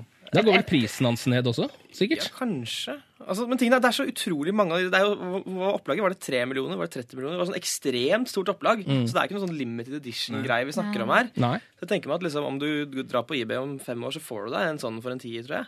Ja. Men igjen, hvis du venter 70 år, så får du nok litt mer. Ja, Da får du mer, altså. Eh, ja. Men eh, han eh, har jo, reagerer jo på seg selv her. på en måte. Ja. Han har, folk har gitt han tilbakemeldinger på at uh, de mener at det er uetisk. Og nå lurer han på uh, om det er det eller ikke. Um, og vi kan jo kanskje ta, skal vi ta og gjøre det demokratisk da, uh, her i, eh, i studio. Jeg føler at vi må lande på enten uetisk eller at det er helt greit. Karina? Jeg mener at um, hvis han Det gjør han jo tydeligvis. Han føler en slags eh, Liten skam. Han, ja, han er litt flau. Mm. Han, har en, han har en dårlig smak for å gjøre det her. Da mener jeg, da må du kutte. Da er du ikke business. Da er du ikke kald nok. Da er du ikke made for business. Nei. Nei? Hvis, Da er du ikke Leonardo DiCaprio i den filmen. Nei. ja. Sånn. Hvis navn vi ikke skal nevne. Ja, men er det, så, er det sånn at da er han for godhjerta for å kunne holde på med det? Ja, for det pla altså, hvis det plager han, så må han jo bare slutte. Ja. Men, eh, men, uh, Men da plager han jo ikke så mye at han har slutta, da. Eh, Det plager han bare så mye at han har spurt oss burde jeg slutte. Jeg får fortsatt masse penger for det, på en måte. Ja. Usikker, Herregud, altså. Hvis det, er, hvis, det, hvis det plager han så mye, finn en annen eh, ting du kan uh, snyte folk på. liksom Ja. Eh, Kjøp Ja. U2-billetter uh, når de legges ut på salg. Og selger, Ja, selger de så godt? Jeg har ikke peiling, kanskje Jeg har en veldig god idé. Martin Ødegaard-billetter, altså Real Madrid-billetter. Ja, ja, ja, ja, der, ja, ja. der tror jeg han kan gjøre stor butikk. Ja, Real Madrid Castilla-billetter. Ja. Bare kjøp det andre laget. Du får en hel rad for deg selv. Den koster ettersom jeg har hørt bare 15 euro. Ja. Eh, det burde jo de fleste ha råd til. Men, Ja. eh, men man, kan jo, man kan jo på en måte lure folk til å tro at det her er oh, Ja. Kjøp Castilla-billetter, så får du dem til 200 euro. Det er røverkjøp. Men så du, Karina, mener da at uh, du syns ikke selv det er sånn kjempeuetisk, men mer det at hvis han kjenner på det og har ubehaget, så må han kvitte seg med det ubehaget? Ja. Ja. Så da lander du på en måte på uetisk, da, egentlig. Ja, egentlig. Ja, Hva med deg, Anders? Jeg er litt enig der, jeg òg. Altså. Ja, du er det? Liksom, hvis han føler at det er et eller annet altså, hvis, du, hvis han føler at det, ja, dette er ikke sweet, ja. så burde du gjerne slutte. å finne finne en annen måte å hustle folk på. Det virker ja, som han, han, han er jo en god høsler. Ja, ja. Eh, han har Definitivt. jo, det virker som han har øye for dette her. Business mind. Han Ja. vet, vi vet hvilken nettside han skal på, liksom. Ja, ikke sant? Eh, Men det virker jo som han egentlig er litt sånn der, han vil på en måte ikke ta dette valget selv. Dere legger opp nå til at han kan ta det litt selv. At det er sånn, Hvis du føler at det er for ille, Ja. så er det for ille. Men det virker som han bare vil høre sånn Ok, de mente at det var etisk eller uetisk, derfor så slutter jeg, eller derfor så fortsetter jeg. Okay. Jeg henger meg på. Mm. Ja, Ja, Hva henger du deg på? ja, ja nei, heng, heng meg på det, det, ja. Veldig Nei, bra løsning. Funnet en annen hustle. Ja, for jeg, jeg liker han fyren her veldig veldig godt, og jeg vil ikke han skal ha det vondt. Så du mener at, eh, at, vi Ny, skal, ny hustle. at rådet er at han må slutte med dette? Begynne med en ny hustle? Ja. Ja. Du, kanskje du må lete litt, da. Eh, Se om du finner noe som ikke er eh, like i gråsonen for etisk og uetisk. Finne noe som er helt greit. Kan tjene like mye penger på det vet du, hvis du finner eh, rett side. Det virker jo som du, Martin, eh, altså Vi mener ikke at du er uetisk og kapitalistisk tyrann, men du må jo ikke ha ubehaget. Du føler jo litt selv at du er det. Så finn noe annet. Dette er Astrid, 2 AM. Dette er Lørdagsrådet på P3. P3. En rastløs liten sak fra Turnstyle. Det varer bare litt over ett minutt, den låta. Blue by You heter den. Du hører på Lørdagsrådet på NRK eh, P3. Jeg heter Ken og er vikar for eh, Siri. Hun skal være det hele denne måneden januar i dette nye året. Vi har også med oss eh, Hasse Hope i dag, fra Karl Johan. Det er vel der du kanskje er mest kjent fra nå. Tidligere så var du også kjent fra ting som Tweet for tweet. VGTV, har du ikke vært der også? Eh, jo, det starta opp eh, litt eventyr på VGTV i 2010. Ja, ikke sant? Jeg likte det veldig godt, det programmet. Tusen, tusen takk. Du liker de tingene Hasse har gjort? Ja. Ja, ja, Det er veldig hyggelig. da, det er hyggelig sagt, Anders. Eh, Anders Nilsen, eh, ja, mest kjent for Salsa Tequila. Ja, det er eh, en humoristisk sang Ja. som du har laget, som gikk verden rundt eh, via internett. Ja. Eh, liker din far eh, vokalist eller hovedfrontfigur i F- Leif og kompisene, den låta? Han uh, syns den er veldig fengende og morsom. Han. Ja, han gjør det, ja. Ja, ja. Han ler seg i hjel når han hører det. Han er hver eneste gang. Han blir aldri lei. Han er aldri lei. Ler seg gråter hver gang. Nei, det er gøy. Fantastisk. Ja, jeg synes det er veldig gøy, det som har liksom skjedd med hele opplegget. Karina Olseth, eh, mest kjent fra NRK-sporten. Eh, Du var, var jo programleder blant annet en fotball-VM eh, Ja. som var nå. Hvordan var det egentlig? Det som må ha vært helt konge. Det er helt konge. Det er en måned med bare fotball. Er fotball det du interesserer deg mest for i verden? Um, med unntak av familien, så, oh. så er det Du måtte det. tenke ja. litt, det. Nei, for, for at Er, er vent litt, det er et eller annet annet. Det skal- det, det det, noe skal liksom ligge latent der, det med familien. ikke sant? Det, ja. det, de, de er viktigst uansett. Ja. Men, men eh, sånn, i det daglige så vil nok folk si at jeg er mer opptatt av fotballen enn familien, fordi at jeg snakker mer om fotball enn om familien. hvis du skjønner. Ja, ja, ja, ja. Jeg går jo ikke rundt og snakker til deg om mamma, liksom. Nei, du gjør jo ikke det. Nei, Eh, da- Men Martin Ødegaard, Ja, ikke sant? Da snakker vi heller om han. Eh, vi skal inn i et eh, problem som handler om eh, det med å bo sammen med folk som kanskje ikke er eh, så fantastisk bra mennesker. Eh, er det noen som har bodd i kollektiv her? Regner med det? Mange, mange, mange. Jo. Mange, mange, mange. Ja. Eh, noen eh, skrekkhistorier? Eh, egentlig bare at jeg har vært uh, drittsekk. Oi, Ja. Så du er den verste fyren man kan bo sammen med i et kollektiv? Eller i hvert fall en av de? ja, ikke fordi jeg har en dårlig personlighet, jeg har en fantastisk personlighet, Ja. men jeg er veldig rotete. Ja. Og så bodde jeg med en jente i Frankrike da jeg studerte der. Big deal. Storkar? ja. Og så bodde jeg med henne i et år, og så da jeg skulle dra, da, eh, så Jeg gadd ikke å rydde og støvsuge rommet mitt, og det så helt jævlig ut der. Ja. Så da, da bare dro jeg. jeg. Det er helt sjukt. vet du hva? Det samme skjedde. Jeg studerte i Bodø. Ja. Og han var på eksamensfest og tok Hurtigruta hjem. Og alt sto igjen. Forferdelige ting å gjøre. Skoene og alt. Jeg fikk den mest rasende SMS-en eh, dagen etterpå. Hva er det? Vi har hatt det så koselig i et år, og så gjør du det her! Og jeg, jeg hadde det så vondt. Men hvorfor gjorde du det? Fordi jeg tenker ikke over det. Jeg er distré på rydding. Distré på rydding, ja. Det er det du er. ja. Tenkte det var chill å bare dra. ja, det er jo men, dritchill. men fikk du med deg tingene dine, da? Fordi at, hva, hva har du rota i som ikke er dine ting, liksom? Jeg fikk med meg liksom koffert og klær og sånn, men jeg fikk ikke med meg støv og papirballer og Ja. snørr som lå rundt omkring. Fy faen. Og de kjedelige tingene. Kattene du hadde fått tatt med igjen. Ja, Vi skal uh, snakke litt om Det er en som har sendt inn et uh, problem, som bor sammen med en person som um, Det er litt krevende å bo sammen med, rett og slett. Så vi skal uh, hoppe inn i den problematikken. Men først skal vi høre på Briskeby sammen med Ken Stringfellow. Dette her er Joe De Alessandro på P3. Dette er Lørdagsrådet på P3. P3. Briskeby sammen med Ken Stringfellow. Det var Joe De Alessandro her i Lørdagsrådet på P3 med Karina Olseth, med Anders Nilsen og med Hasse Hope.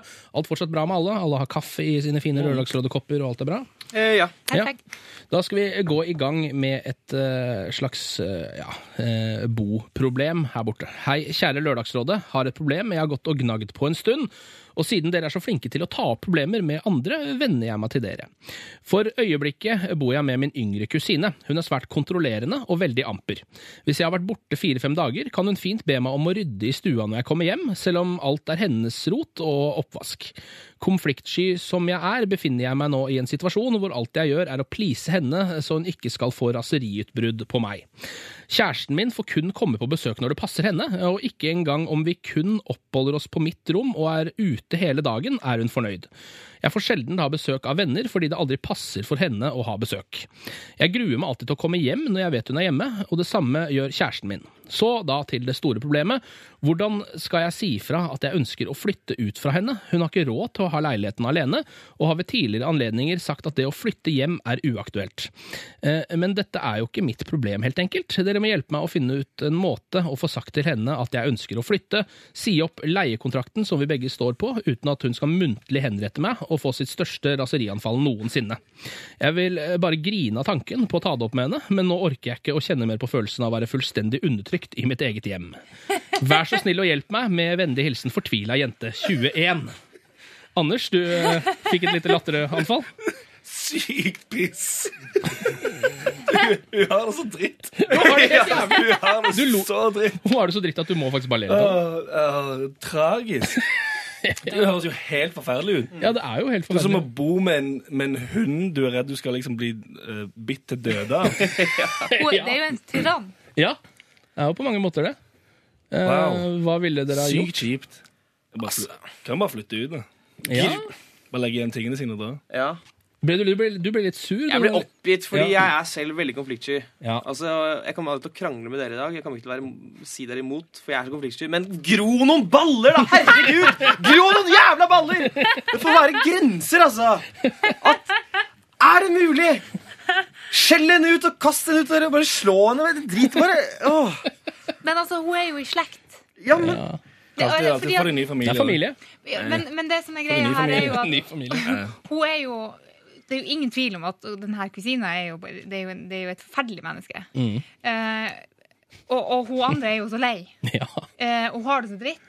Hun må, jo, hun må jo si Det er jo ingen som skal ha det sånn. Ja, vi er alle enige om at hun må komme seg ut av Ja, dette. men det er jo en grunn til at hun skriver til Lørdagsrådet. Hun burde jo, hun burde jo bare eh, tatt, sagt fuck off og gått. Mm. Men det gjør hun jo ikke. Hun har jo et problem med det. Ja, Hun er jo tydeligvis da en ganske sånn sympatisk person også, eh, som selv om eh, hun selv nå på en måte har det helt forferdelig, eh, så vil hun ikke såre kusina si heller. På et eller annet vis. Nei, men altså, ærlig talt. Du har det så forferdelig, da burde du såre kusinen. Sår i vei. Det er jo helt konge å såre drittfolk. Ja, Syns dere kusina fortjener nesten litt å få en liten uh, verbal smekk sjøl? Hun fortjener alt som er vondt her i livet.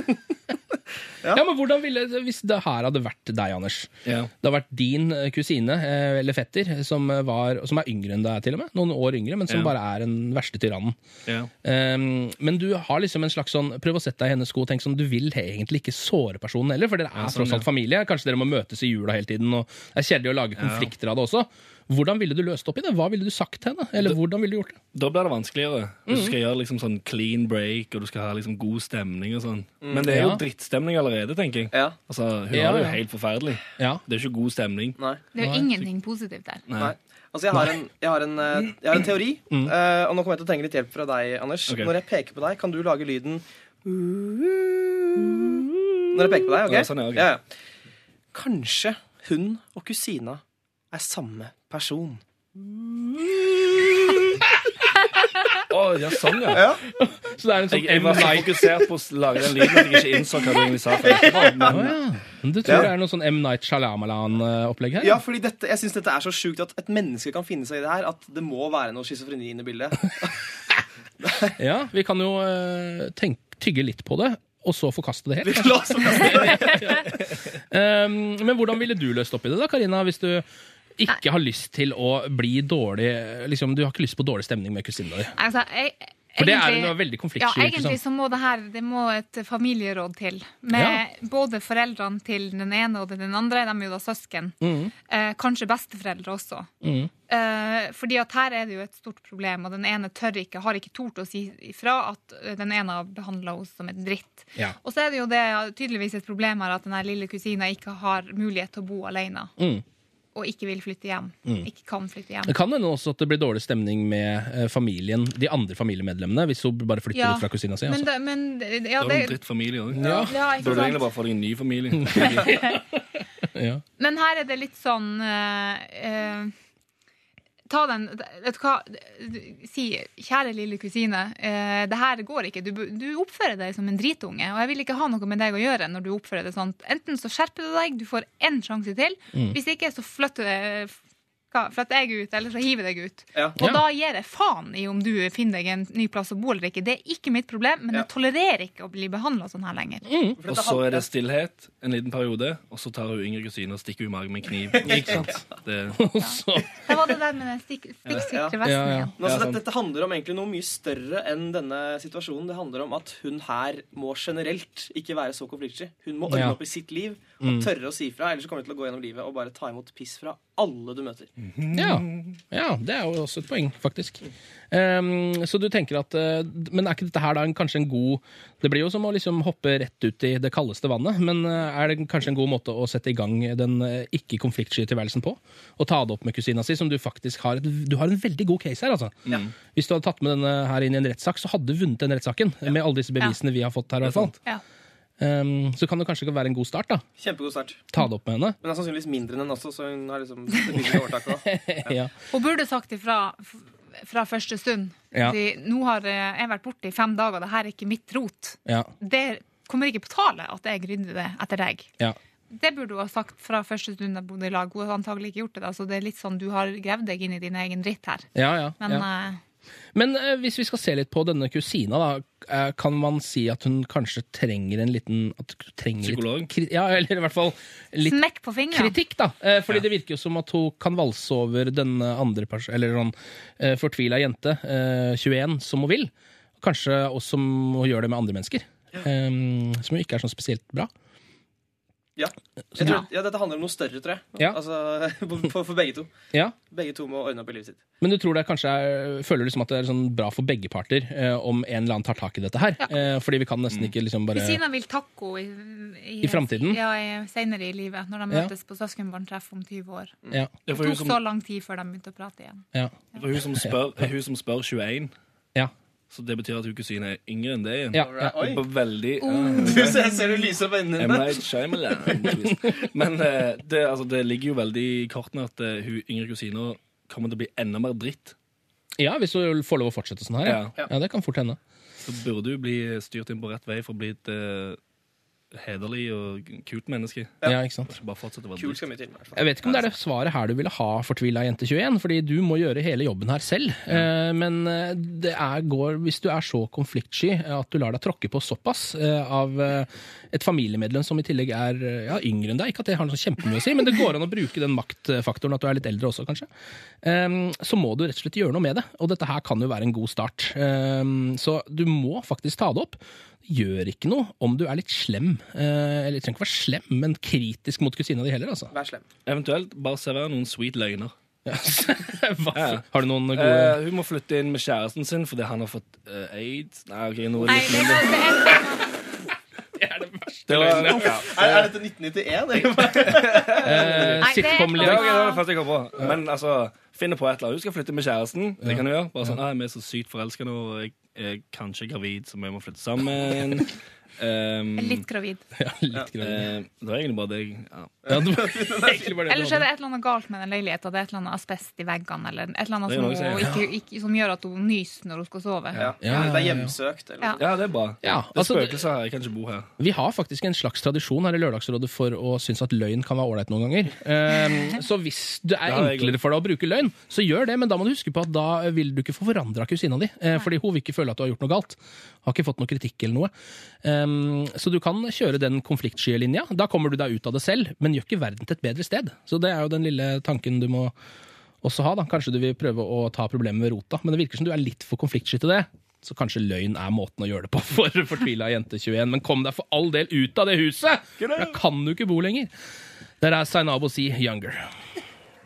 Dette er Lørdagsrådet På P3. P3. Lapsley. Falling Short i Lørdagsrådet på P3. Klokka er fire minutter på elleve. Og um, vi sitter her i eh, studio, vi. Eh, Karina Olseth er på plass. Anders Nilsen er også her, og Hasse Hope. Um, og det har seg jo sånn at vi, altså, vi løser jo de problemene. Eller løser og løser, vi prøver i hvert fall å gi råd, da. Når folk eh, har et problem som de sender inn på lralfakrøll.nrk.no. Men så er det sånn at vi har en enklere løsning også på dette her. For dere som eh, ikke har tid til å sitte og høre gjennom alt vi kommer med, og bare ha et kjapt og klart svar på et eller annet problem i livet, så har vi en app. Eh, Lørdagsrådet Ekspress eh, har vi faktisk, som det går an å eh, gå inn på eh, p3.no og laste ned hvis du eh, trenger litt råd her i livet. Litt kjappe, litt sånn ekspressråd. Tenkte vi skulle ta en runde nå, eh, fordi er, dere har vel problemer i livet deres, dere også? Å, ja. Og bøttevis. Ja, ikke sant? Eh, skal vi begynne med deg, Hasse? Kanskje du har lyst til å Det er da en eh, app man laster ned til telefonen. Trykker man på ansiktet Først må man stille et eh, spørsmål, da, og så trykker man på ansiktet til Siri Kristiansen. Så kommer det opp et klart svar på det du lurer på. Ok. Ok, her er situasjonen. Mm. Eh, jeg har en kompis som har veldig dårlig råd. Eh, jobber veldig lite på deltidsjobben sin. Mm. Og jeg har da lånt ham 1000 kroner for en god stund siden. Jeg tjener betraktelig mye mer enn ham fordi jeg har en fast jobb, Mm. og det går helt fint. Eh, men nå tenker jeg liksom er det kanskje på tide å få tilbake de pengene. Hvor lenge er det siden, da? Det er eh, tre måneder. Ja. ja. 1000 kroner.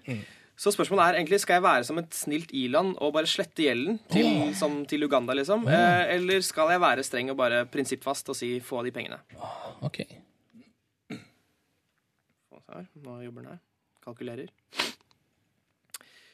Kommunikasjon, kommunikasjon, Ja. kommunikasjon. Ja. Ja. ja, det er Ja. det det handler om, altså. Ja, det er det. Det er rett og slett det. Jeg må kommunisere med personen. Ja, du må inn i en kommunikasjonsform her med personen og finne ut av det. Ja, ja men det skal jeg gjøre. Ja, det må du bare gjøre. Ja, tusen takk. Eh, Anders, har du noe problem i livet ditt? Uh, ja, altså, jeg tenkte jo uh, Jeg har ikke sånn dilemmaspørsmål. Jeg tenkte bare jeg skulle spørre appen om noe sånn personlig.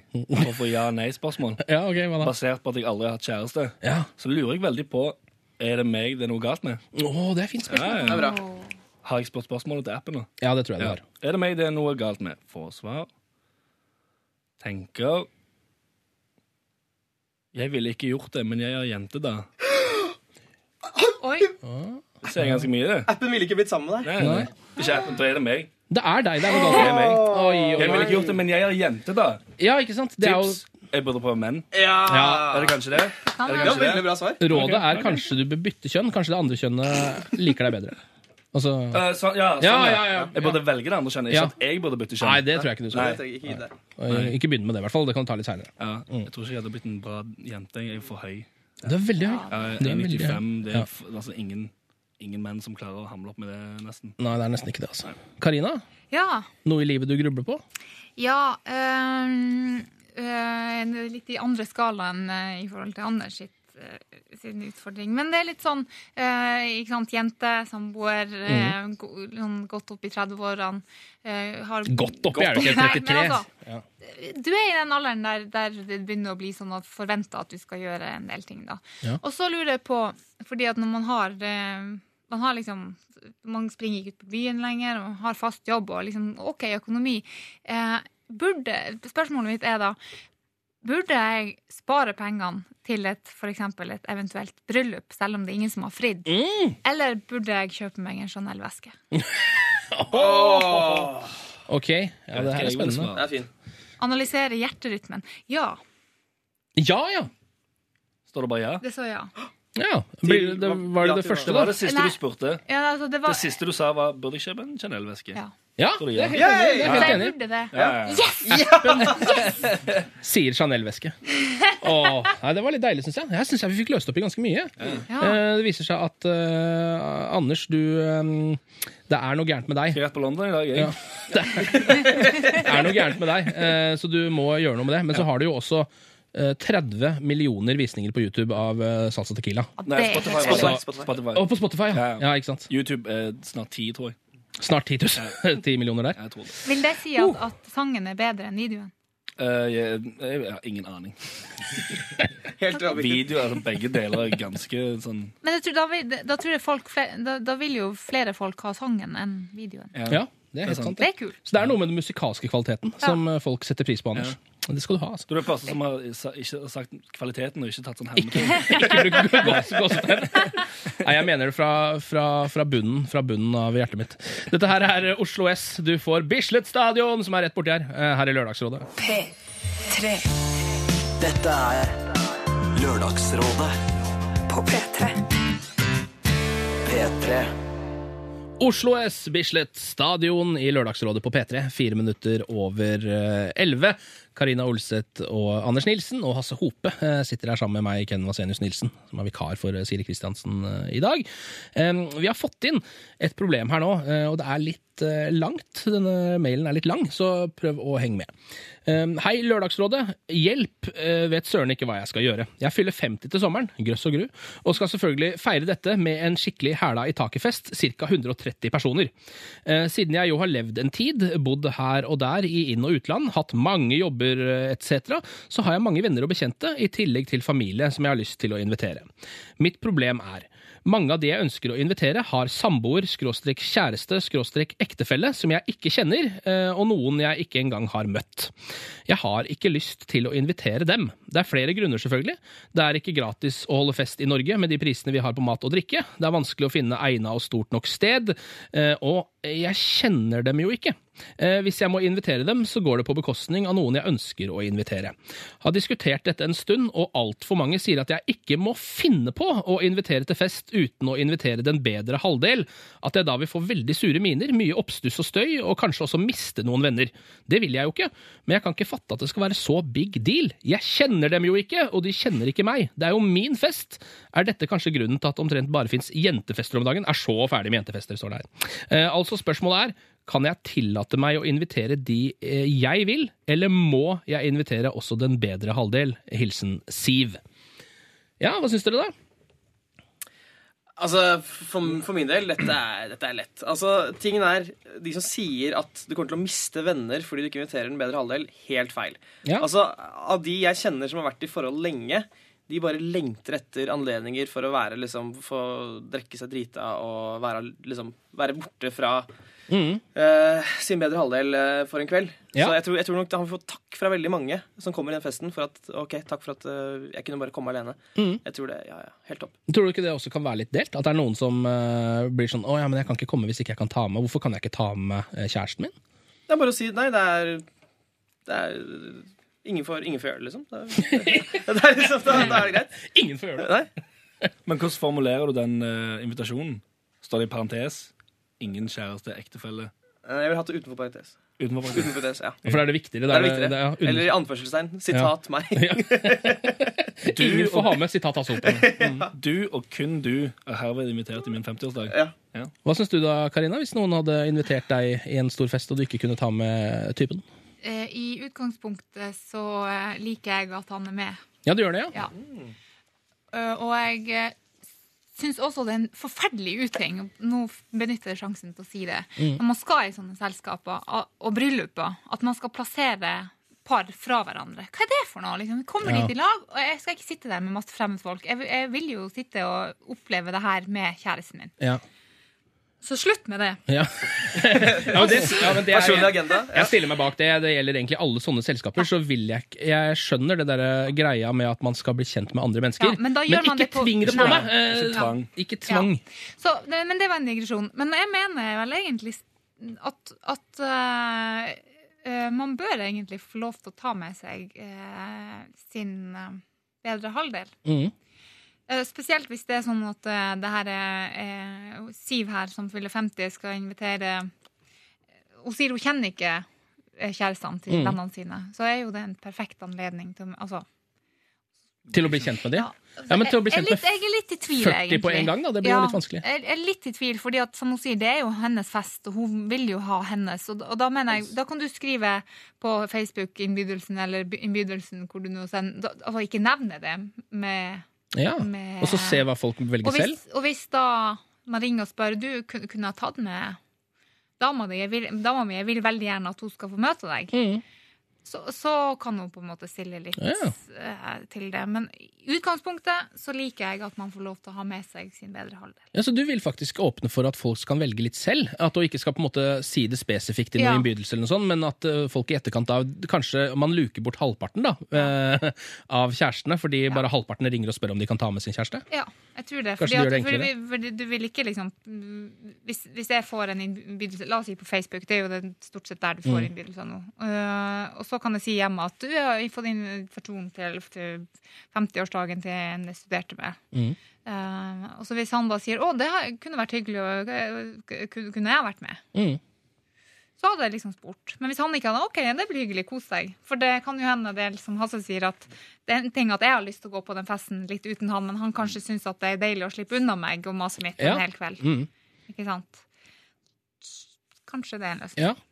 Ja, for det, altså, Du var jo litt inne på det, Hasse, men det er jo litt sånn at hvis man har vært i et forhold uh, lenge, Ja. um, så er det jo litt sånn at man blir jo en slags sånn uh, Man blir jo en duo istedenfor et individ på et, en slags måte. da. Man blir et radarpar. Ja, man blir et radarpar, uh, og kanskje det tar bort noe av liksom Kanskje ikke tar bort særegenheten ved en person, men jeg ser for meg at denne Siv her også tenker litt sånn Ikke bare på pengene og sånn, men også litt sånn egoistisk. Jeg vil ha personen for meg selv.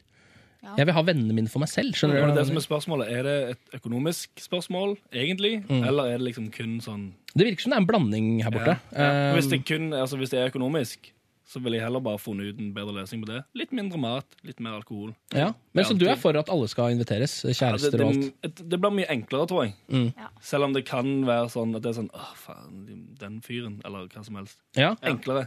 Ja. Bare kutte litt i budsjettet. Mindre mat, mer billig alkohol. Kjøp pokaløl, for eksempel. Ja. Sparer du veldig, veldig mye penger. Det er veldig mye billigere, det. ja. Jeg, for eksempel.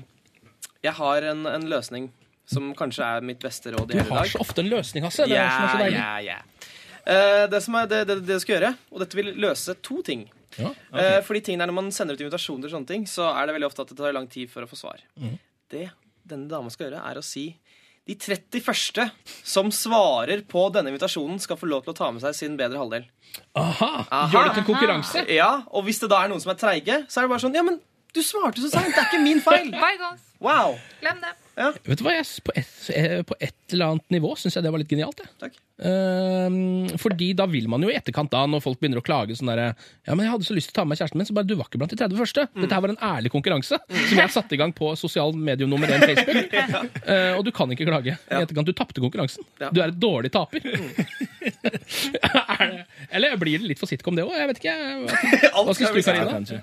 Eh, eh, morsom, kreativ løsning, egentlig. Takk, takk. Ja. Ja, men like, hadde, hadde du gått med på den selv? Ja, altså, kan jo, Siv kan jo være ærlig. Skal si at uh, det er mange av, dere ikke mange av deres kjærester jeg aldri har møtt. Mm. Uh, jeg ser egentlig ingen grunn til at de skal være i bursdagen min, men Mm. jeg forstår at noen av dere har lyst til å ta dem med. Ja. Derfor har jeg denne konkurransen. 30 første får ha med seg Det virker som mye arbeid. Mye formulering to og snakking. To setninger, det Ja, klarer det du. er jo to setninger, ja. Det er jo det, altså. Altså, du, Hvis du ikke tar det på spansk, så er det ganske lett. Men da, det virker også som du har sittet veldig lenge og liksom grubla OK, nå må jeg ha den konkurransen. Ja, det blir mye bedre. Ja, du fremstår som en sosiopat. Det gjør du. Vil ikke være gjerrig og sosiopat, men Ja. ja, Kanskje man framstår litt sosiopatisk, ja. Det kan jo hende. Eventuelt be folk om å ta med ting. Ah. Ta med drikke selv. For eksempel. Trenger ikke være eh, all drikken, men en flaske vin. Ja. En sixpack Ja. med pokaløl. Ja, Ja. På en stol. Og så bare Ja. påpeke at du skal ikke ha gaver. Og det er mye bedre. Ja. Du får sikkert bare dritt til bursdagen uansett. liksom. Mye bedre, så Ingen gaver. Alle kan ta med, Ta med din favorittflaske vin og kom. For eksempel. Ja. Ja, kanskje det Ok. Jeg merker at vi har liksom to forskjellige, eller, to forskjellige løsninger her. Fordi denne, altså Jeg virker som Siv her er ganske opptatt av um, at ikke alle kjærestene skal komme. Jeg jeg, jeg tror det bunner i det økonomiske. Ja, tror du det? Ja. Ja, det kan godt hende det gjør det. Jeg Eh, tenker i så- hvert fall det gjør det. det er liksom, for du tenker mer sånn, ah, Jeg kjenner jo ikke den personen. Hvorfor skal jeg da spandere mat og Ja. drikke? Så Hvis du gjør det enklere, bare folk tar med seg litt ting. Ingen gaver, tar med en flaske vin. Mm. Boom. Jeg har kanapeer, liksom. Ja. ja, for Det virker som eh, alle er sånn ganske enig i at det må være lov å ha med kjæresten sin på fest. Ja, At en person må, liksom, det må være, vel, må være velkommen. det syns For når man er 50, liksom i den, jeg Ja. tenker i hvert fall at i den alderen så er man altså Selv om man er to personer, så er man én. Ja, for det er vel kanskje litt som Ja. altså, sånn. Det å nekte noen å ta med seg sin bedre halvdel, vil jo kanskje føles litt sånn at da, da på en måte jobber man litt sånn mot utviklingen eh, i hele livet. Eh, skjønner du hva jeg mener? At det er sånn nei, nå skal vi være tilbake til å være 15 år igjen. Ja. Ikke ta med deg noen, det er bare du som får lov å komme. Kanskje det er litt sånn bakstreversk, rett og slett. Ja. Ok, men eh, da du, kan du velge mellom eh, følgende løsninger. Eh, enten så lager du en konkurranse på Facebook der de 30 første, for eksempel, du kan velge det tallet selv, får lov å ta med seg kjæresten sin. Jeg syns det er en ganske ryddig løsning. Takk. vær så god, også. Um, selv om den er litt sitcom-aktig, og du vil framstå litt rar. Men allikevel, noen ganger så er det verdt det å gå den veien. Den andre tingen du kan gjøre, er å be um, å skrive i invitasjonen at folk må ta med seg en flaske vin, f.eks. Men kan ta med seg hvem de vil av personer, så lenge de har med seg litt grann drikke. Så du slipper å stå for eh, absolutt alt. Um, eller så kan du jo også bare um, ja, være ærlig og legge det fram. Uh, at eh, eh, jeg liksom syns det er litt ålreit å få møtt alle vennene mine, så jeg vil ikke at alle kjærestene skal komme. Da ville jeg kjørt konkurransen, altså, sånn at noen slipper inn. Så det eh, er eh, rådet, Siv. Eh, Enten eh, be folk ta med drikke, eller la konkurranse på Facebook, altså. Det er det Lørdagsrådet har funnet ut i dag. Her er Hoosier, du får Take Me to Church. Dette er Lørdagsrådet På P3. P3. DJ Fresh og Ella Air Gravity hørte du i Lørdagsrådet på NRK eh, P3, hvor eh, vi sitter her, hele gjengen. Eh, Anders Nilsen er her. Hasse Hope er også rådgiver i dag, og Karina Olseth er på plass. Vi skal hoppe inn i et problem som er gaverelatert. Men først hadde jeg hatt lyst til å høre med dere hvor ærlige dere er når dere får en gave, og åpner den foran den som har gitt gaven til dere, f.eks.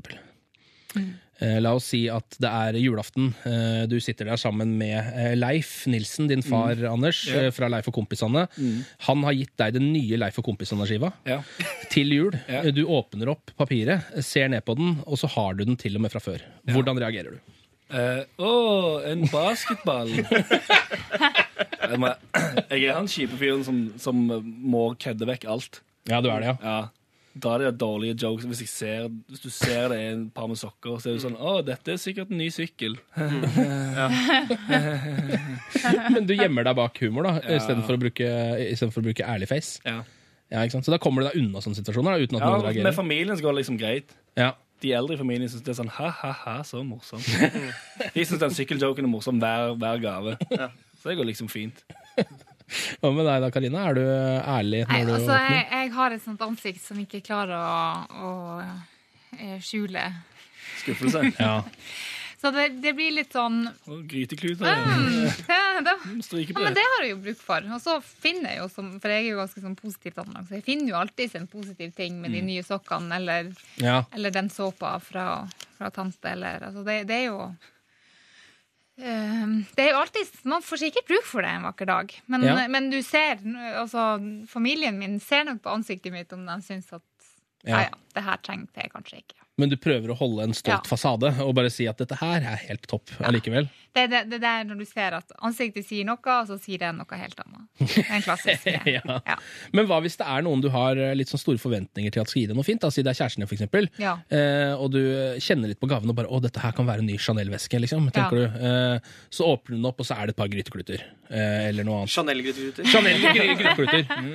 Eh, Nei, altså, klarer du da å liksom eh, fortsatt late som om alt er bra?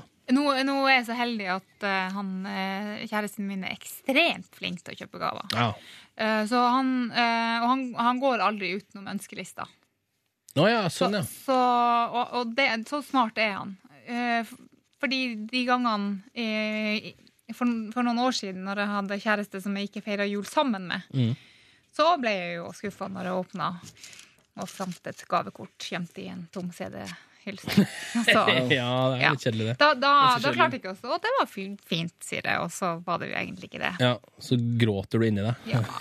Eller sånn dritt. Han elsker ikke meg, iallfall. Det er sikkert. Hva med deg, Hasse? Hvordan reagerer du hvis du får bli skuffa av gave? Eh, jeg har den strategien at jeg overdriver eh, veldig i den andre retningen. Så hvis jeg for eksempel, altså jeg kommer fra en, en familie med veldig mye kulturell kapital. Så da, så, ja, så da pleier jeg å få liksom en kalender fra mamma og pappa med kirker i Toskana. Eh, og, så, og da, det jeg gjør da, det er sånn Oh, wow, yeah, yeah. Tuscany Church! Den har jeg ikke, den har jeg ikke fra før. Jeg visste ikke at det var kirker i Toskana engang! Og det er også veldig lett i NSG. Ja, hvordan ender det, da? Nei, det ender jo med at uh, jeg, får jeg, show. jeg, henger, jeg henger det opp på, på veggen hjemme hos dem. Ja. så, at jeg, slipper å Den ha kan jeg ha her. ja, den er basert litt her. Vi skal eh, ta et problem som handler om dette her. Nettopp det med å få noe som man ikke syns er så innmari fint. Etter at vi har hørt Keisha Kisha eh, her i Lørdagsrådet på P3, fem på halv tolv. Denne låta den heter Hideaway. Dette er Lørdagsrådet På P3. P3. Keisha Hideaway, klokka er halv tolv. Du hører på Lørdagsrådet på NRK P3 med Hasse Hope, med Anders Nilsen, med Karina Olseth og med meg, Ken Vasenius Nilsen. Um, og det er en som er i en gaveknipe her borte, um, som trenger råd sårt uh, fra oss. Kjære Lørdagsrådet. Jeg er i skikkelig knipe og trenger sårt råd om hva jeg skal gjøre, akkurat som jeg sa. Eh, til jul fikk jeg, bortsett som jeg er, eh, to bilder, jetprints, signert av Marianne Auli, i gave fra mine foreldre. Selvfølgelig het det ene bildet Gulljenta, sånn at dilemmaet ikke akkurat ble mindre. Jeg er dypt rørt over hvor snille mine foreldre er, som kjøper så fine og dyre gaver til å pynte opp min nye leilighet. Har ikke et bilde på veggene enda i leiligheten, nemlig. Jeg elsker jo at de er kunstinteresserte, og vil at jeg skal ha skikkelig kunst på veggene, men, og det er et stort men, jeg kan ikke fordra klovnebildene til Marianne Auli. Hjemme har vi jo snakka om at man aldri skal kjøpe bilder til andre uten å forsikre seg om at det er noe de liker, så jeg skjønner ikke hvorfor de plutselig fant ut at det likevel var lurt å kjøpe bilder til meg. Hadde de spurt, så hadde jeg jo svart ærlig. Sånn jeg ser det nå, har jeg tre valg. 1. jeg sier det som det er til foreldrene mine. To, jeg kjøper to bilder i samme størrelse som jeg liker, henger dem opp på veggen og bytter om til Marianne Auli-bildene hver gang mor og far kommer til Oslo. Tre, jeg selger bildene til spotpris på Finn og kjøper kunst for beløpet jeg får inn, så forteller jeg dem hva jeg har gjort etterpå. Hva skal jeg gjøre? Jeg håper dere kommer opp med en fjerde og enda bedre valgmulighet. Hilsen den utakknemlige gulljenta. Jeg synes at det er anstrengt forhold til foreldrene. Hvis du ikke tør å si ifra sånn Du, forresten, dette ser helt forferdelig ut. Jeg vil ikke ha det. Ja. Det er vel fordi hun ikke vil såre dem, da. Eh, på et eller annet Ja. vis. Folk Men- er så redd for å såre. Ja, folk er det. Hadde jeg fått noe dritt av foreldrene mine, så hadde jeg sagt sånn «Nei, Jeg kan ikke ha dette. Det er for dritt. Ja, Og så hadde de sagt sånn Men jeg vil gjerne bytte det i noe annet som ikke er dritt. ja, ja. ja. Og så hadde det ordna seg. Ja. Det første jeg hadde gjort når jeg åpna pakken, er bare sånn Husker dere å ta byttelapp? ja. Det hadde jeg spurt. Hvis, Ja. hvis foreldrene mine hadde kjøpt det. Jeg vet ikke om man får byttelapp på Marianne Aulis bilder. Nei, men Har ikke hun et galleri eller et eller annet? Jeg vet ikke. Ja, det vet jeg ikke. Eh, Men eh, dette her er jo såpass dyre gaver. Hvor mye Eh, koster et klovnebilde? Hvor mye kan det være, da? Jeg vet ikke, 1000 kroner. Jeg vet ikke, Det er sikkert dritmye. Ja, det, jeg tror det er mer enn det. Ja. Ja. Eh, så det er jo såpass sånn dyre gaver at er det ikke litt sånn ekstra vanskelig da å etterpå si at man ikke liker dem? Når noen liksom har virkelig brukt masse penger og gått inn i det? Jo, men igjen, det er foreldrene dine, og, Mm. og hvis de Hvis de vet at vår, gulljenta vår, har ingen uh, bilder på veggen, hun trenger bilder, Mm. så spør nå for guds skyld hvilke type bilder liker du. Mm. Og jeg fikk Og nå vite at det koster 14 000 for et sånt bilde. Og det var bilde. da et par av de var to her. Du fikk to, ja. Så det er 30 000, da. Å, herregud. Ok. Fy fasen, det Jeg tror det er snakk om uh, to foreldre med, som både har eh, humoristisk sans og jævlig mye penger. Ja. Altså, De har, sånn- har sånn fuck you-penger. Mm. Uh, så jeg tror ikke. Ja, det er bare for kødd, liksom. Så jeg tror ikke de blir såret i det hele tatt. Oh, du tror de har gjort det som en svær vits? Vet du hva? Jeg tror kanskje uh, foreldrene er kanskje sånn konsernsjefer eller noe sånt, som Mm. vurderer å la datteren bli konsernsjef en dag. Og da må de liksom teste om hun har baller nok til å bytte det bildet. Til å ha økonomisk sans. En test. Aha! Hvis du bytter dette bildet i penger, så har du jobben, liksom. Aha. Ja, men det er altså Hvis, hvis eh, foreldrene dine er konsernsjefer, så må du høre på dette Hasse sier nå. Eh, for da er det sannsynligvis det. Hvis ikke de er det, Ja, det, så kan vi gå videre og finne et annet råd. ja. Nei, vet du hva? Selg bildene og si til foreldrene dine at vet du, jeg, jeg liker ikke klovnegreier. Og jeg setter kjempestor pris på at dere kjøper så usannsynlig dyre gaver til meg. Ja. Men jeg vil heller ha en Chanel-veske. Mm, ja. Man Ja. får det for 28 000, tror jeg. Eh, Hun sier jo at, liksom, eh, at når det gjelder det å si det til foreldrene, så er det det at hun risikerer at de blir lei seg og synes at hun er utakknemlig. Så de har tydeligvis et sånt forhold at, det, at man kan komme dit, da. ja. Eh, Man kan jo bare si sånn at jo, jo, men dette går bra, det er foreldrene dine, de elsker deg, osv., osv., men man vil jo allikevel ikke såre dem. da. Nei, men er, altså, Du er det kan en teste de. ja. Kan man kjøpe for eksempel eh, et eller annet sykt kjipt til de? Neste gang. om de bytter det. ja. Og hvis de bytter det, så kan Nei, men sånn foreldre gjør ikke det. Nei, kanskje ikke. Nei, det er gulljenta. Ja, ikke sant? Og Så kjøper en sånn halvdød hund. Og se om de beholder den, eller om de sier sånn Så Nei, vi, vi kan ikke ha denne. Ja. Hvis dere ikke kan ha den halvdøde hunden der, så kan ikke jeg ha de klovnebildene heller. Så, Så det. Ja. Men hun, hun var faktisk inne på det litt i spørsmålet. eh, det med å liksom eh, Det at hun, hun kan ta, liksom ta og ta med bilder til Copycat. Kjempebra sted her i Oslo, så du kan få kopiert opp ting. Kopier det opp sånn at det ser 100% likt ut som bildet. Får du kanskje jeg vet ikke, 800 spenn. da. Bruk de 28 200 kronene på noe sykt fett. Ja, og så henge opp da to kopier av Marianne Aulie som har fortsatt må ha i stua. det, da. det kan du ikke gjøre, faktisk. Du, du kan ikke drive og ta opp på de bildene hver gang foreldrene dine kommer på besøk. Altså, I sitcoms så kan du gjøre det. Ja, så vi lever jo i en sitcom her, så.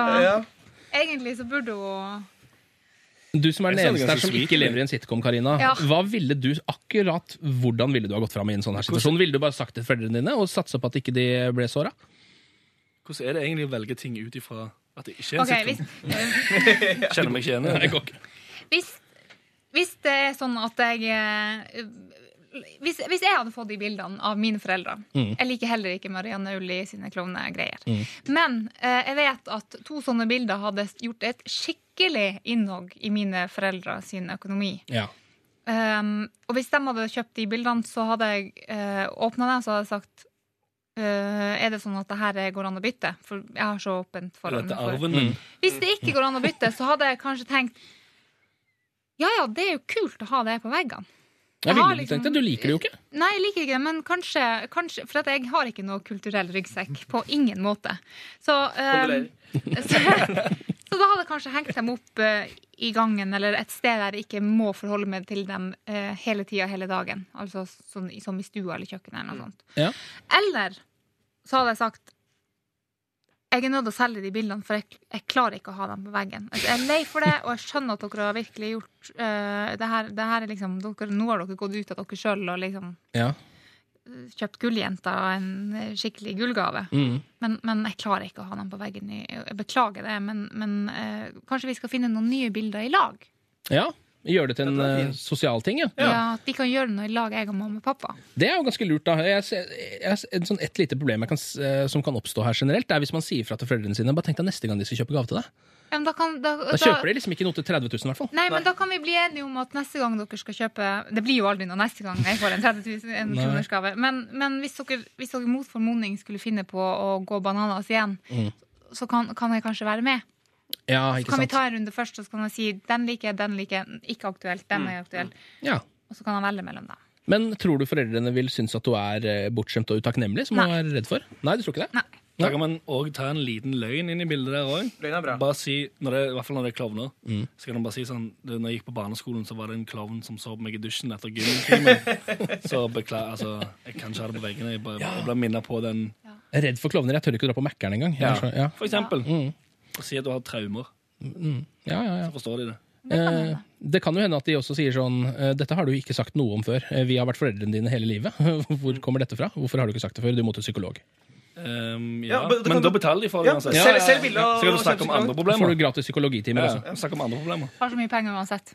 Ok, men da Vi er vel enige om at du ikke kan Eller er vi egentlig enige om det? det er, vi har jo som regel to fronter her. Vi er enige om at du ikke kan beholde dem. Ja. Eh, og vi er vel kanskje også enige om at uh, sitcom-stilen med å ta de opp og ned blir litt for Ja, komplisert? det, går, det går ikke. At det ikke går. Så det er faktisk den ene ruta du kan ta, er å si fra om det. Um, kanskje du kan også tenke på det som en investering, selv om du kanskje neste gang ikke får gave for rundt 30 000, kanskje du får det for halvparten, da, 15 så vil det iallfall være noe du liker. Eh, Neste gang så slipper du å få dette problemet hver eneste gang foreldrene dine skal kjøpe gave til deg. Så utakknemlig gulljente, eh, det virker som at rådet har blitt enige om at du rett og slett må gå for nummer én. Jeg sier det som det er til foreldrene mine. Er det ikke det vi er enige om, da? Ja. Ja. Ja. Da drar vi på her i Lørdagsrådet med The White Stripes. Dette her er Seven Nation Army. Så skal vi ta fatt på et uh, nytt problem ganske så straks. Og her uh, sitter vi altså da. Ken Vasenius Nilsen, vikar for Siri Kristiansen. Eh, Karina Olseth er her. Vi har også Hasse Hope og Anders Nilsen. Dette er Lørdagsrådet. På P3. P3.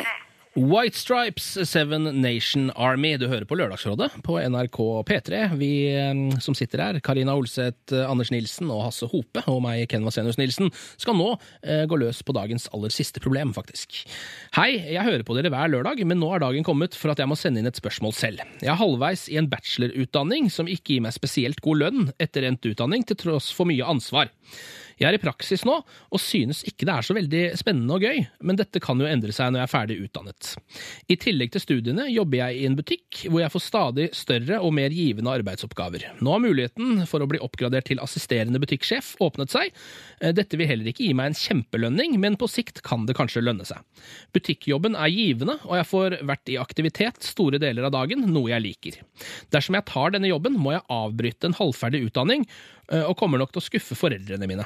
Spørsmålet mitt er, burde jeg hoppe av studiet og satse, eller burde jeg bli på studiet der jeg eh, får en vanlig 8-4-jobb etterpå? På forhånd eh, takk, hilsen usikker. Utdanning eller jobb? Anders, du er vel ikke så veldig utdanna? Nei, jeg har jo skuffa foreldrene mine hele livet, så jeg kjenner meg veldig igjen der. Ja. Eh, du, jeg prøvde jo å gå på skole, men så jeg kom ikke inn på intervju engang. Så det på intervju til å gå på skole, kom du ikke inn der Nei, jeg kom ikke inn på intervju, opptaksintervju engang. Og det har jo gått bra med deg? Ja. Eller? Ja. Jeg har vært heldig, da. Jeg har vært heldig, da. ja, Så du ville jeg ikke faktisk- anbefale din rute? Å jo, definitivt. Ja. Gjør, akkurat, gjør akkurat hva du vil. Alltid. ja.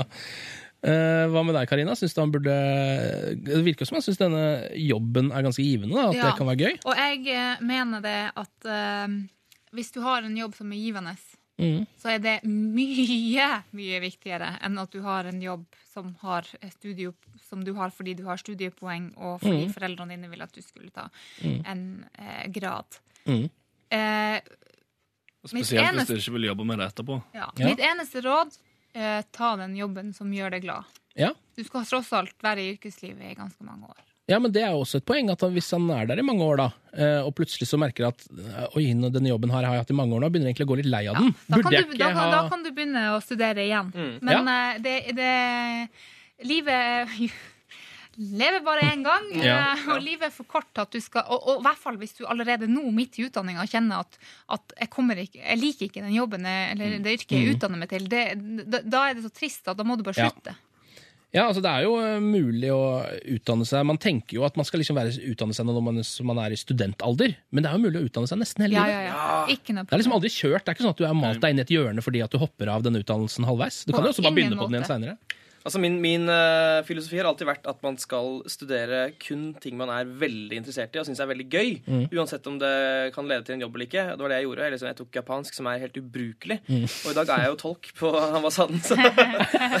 ja. ja, nei, jeg vil ikke det. Men eh, så med mindre det studiet gir deg veldig mye, så selvfølgelig skal du bare ta den jobben. Og så kan du heller, hvis du plutselig etter tre år som distriktssjef i Carlings, så, så kan du kanskje begynne å studere igjen, da, hvis du finner noe som virkelig brenner for. Ja, det er jo kanskje litt sånn at um, litt is i magen kan man jo faktisk ha. Det er jo ikke sånn at uh, det toget har gått, uh, selv, om du ikke, selv om du hopper av utdanningen nå, da. Uh, men, men samtidig er det liksom, nå sitter vi her og, og sier til noen utdanning trenger du ikke, kom deg av det. Nei, det å- sier, vi, det sier vi ikke. Men det man trenger, det er en jobb man liker å gå til. Mm. For hvis du, hvis du fra første dag etter utdanning misliker å gå på jobben, Mm. da har du et jævla dårlig utgangspunkt. ja. Kjipt liv foran deg da, ja. Ja. Ja. Så eh, jeg sier ikke at utdanning ikke lønner seg, det gjør det, det gjør det i veldig stor grad. Men da må det være en utdanning som inspirerer deg, som gir deg noe i hverdagen. Mm. Altså, vi er jo eh, Norge ganske høyt utdanna land. Veldig mange som går på universiteter videre. Ikke alle som får jobbet på likevel. Um, og så er det jo litt sånn, sånn som vi har jo snakka om det, Hasse. Uh, at eh, sånn, Du er jo selvfølgelig utdanna tekstforfatter fra Westerdals reklameskole mm. og kommunikasjonsskole, uh, som, som uh, sånn 50% av Oslo er. Ja. Og det er jo ikke, Dere sitter jo ikke hjemme og skriver tekst hele tiden. Nei, vi gjør ikke det. Nei. Øh, og det også er et studium der uh, ikke så mange ender opp i en jobb de har lyst på. Nei, ikke sant? Uh, det er ingen, ingen garanti noe sted Nei, for å få seg noe, noe fett. Så er da på en måte litt tanken at gå for det som virker riktig nå, siden du ikke vet hva framtiden bringer uansett. Er det det dere litt tenker? Siden det virker nå som han akkurat nå liker han denne jobben. Han vet ikke hvordan framtiden blir. Kan hende han kunne likt å ta utdannelsen og begynne å jobbe med det også, men det vet han ikke noe om ennå. Men han, han, men han er jo liksom. i praksis. Mm. Han, sier, Han liker ikke det så veldig liker ikke det, Og, og da, da tolker jeg det litt som om han kanskje går på sykepleieren og er i en yrkesretta praksis. Ja, kanskje. For, fordi hvis du går på den reklameskolen, så er er det jo kanskje et vidt spekter av praksis man kan være ute i. Eller? Om det er. Ja, Ja. det er det.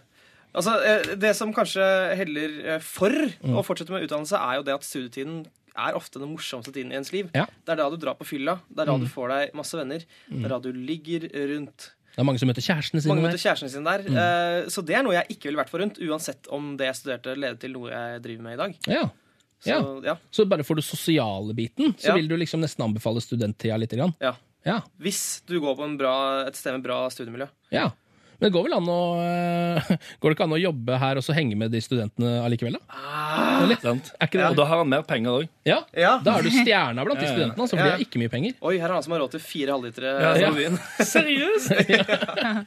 Ja, men vet du hva, Det virker veldig som om du usikker ikke burde være så usikker, selv om jeg skjønner at du er det. Men em, det virker jo som du vil, vil ha denne jobben, da, og holde på med den. Og det er aldri, du har aldri gjort et dårlig valg hvis du har tatt deg en jobb som assisterende butikksjef uansett. liksom. Det er ikke sånn at du har driti deg ut da. Nei, for det, altså, det er jo det òg. Det er jo snakk om altså, Det er jo enten skole eller en jobb som betaler. Det er ikke Ja. snakk om liksom Skal jeg bli narkoman eller jobbe? Nei, det er jo ikke snakk om det i det hele tatt. Ha den sweet jobben, ha det gøy. Hvis Ja. du blir lei av det, utdann deg mer, finn en ny jobb. Ja. Det ser bra ut på CV-en å være, ha vært butikksjef. Ja, det gjør det. Mm. og utdanning er faktisk noe man kan holde på med hele livet, så den, det toget går ikke uansett. Uh, usikker, gå for litt jobbing, og heng med studenter på fritida, fordi du vil ikke, det miljøet, som Hasse sier, det er, det er top notch, altså.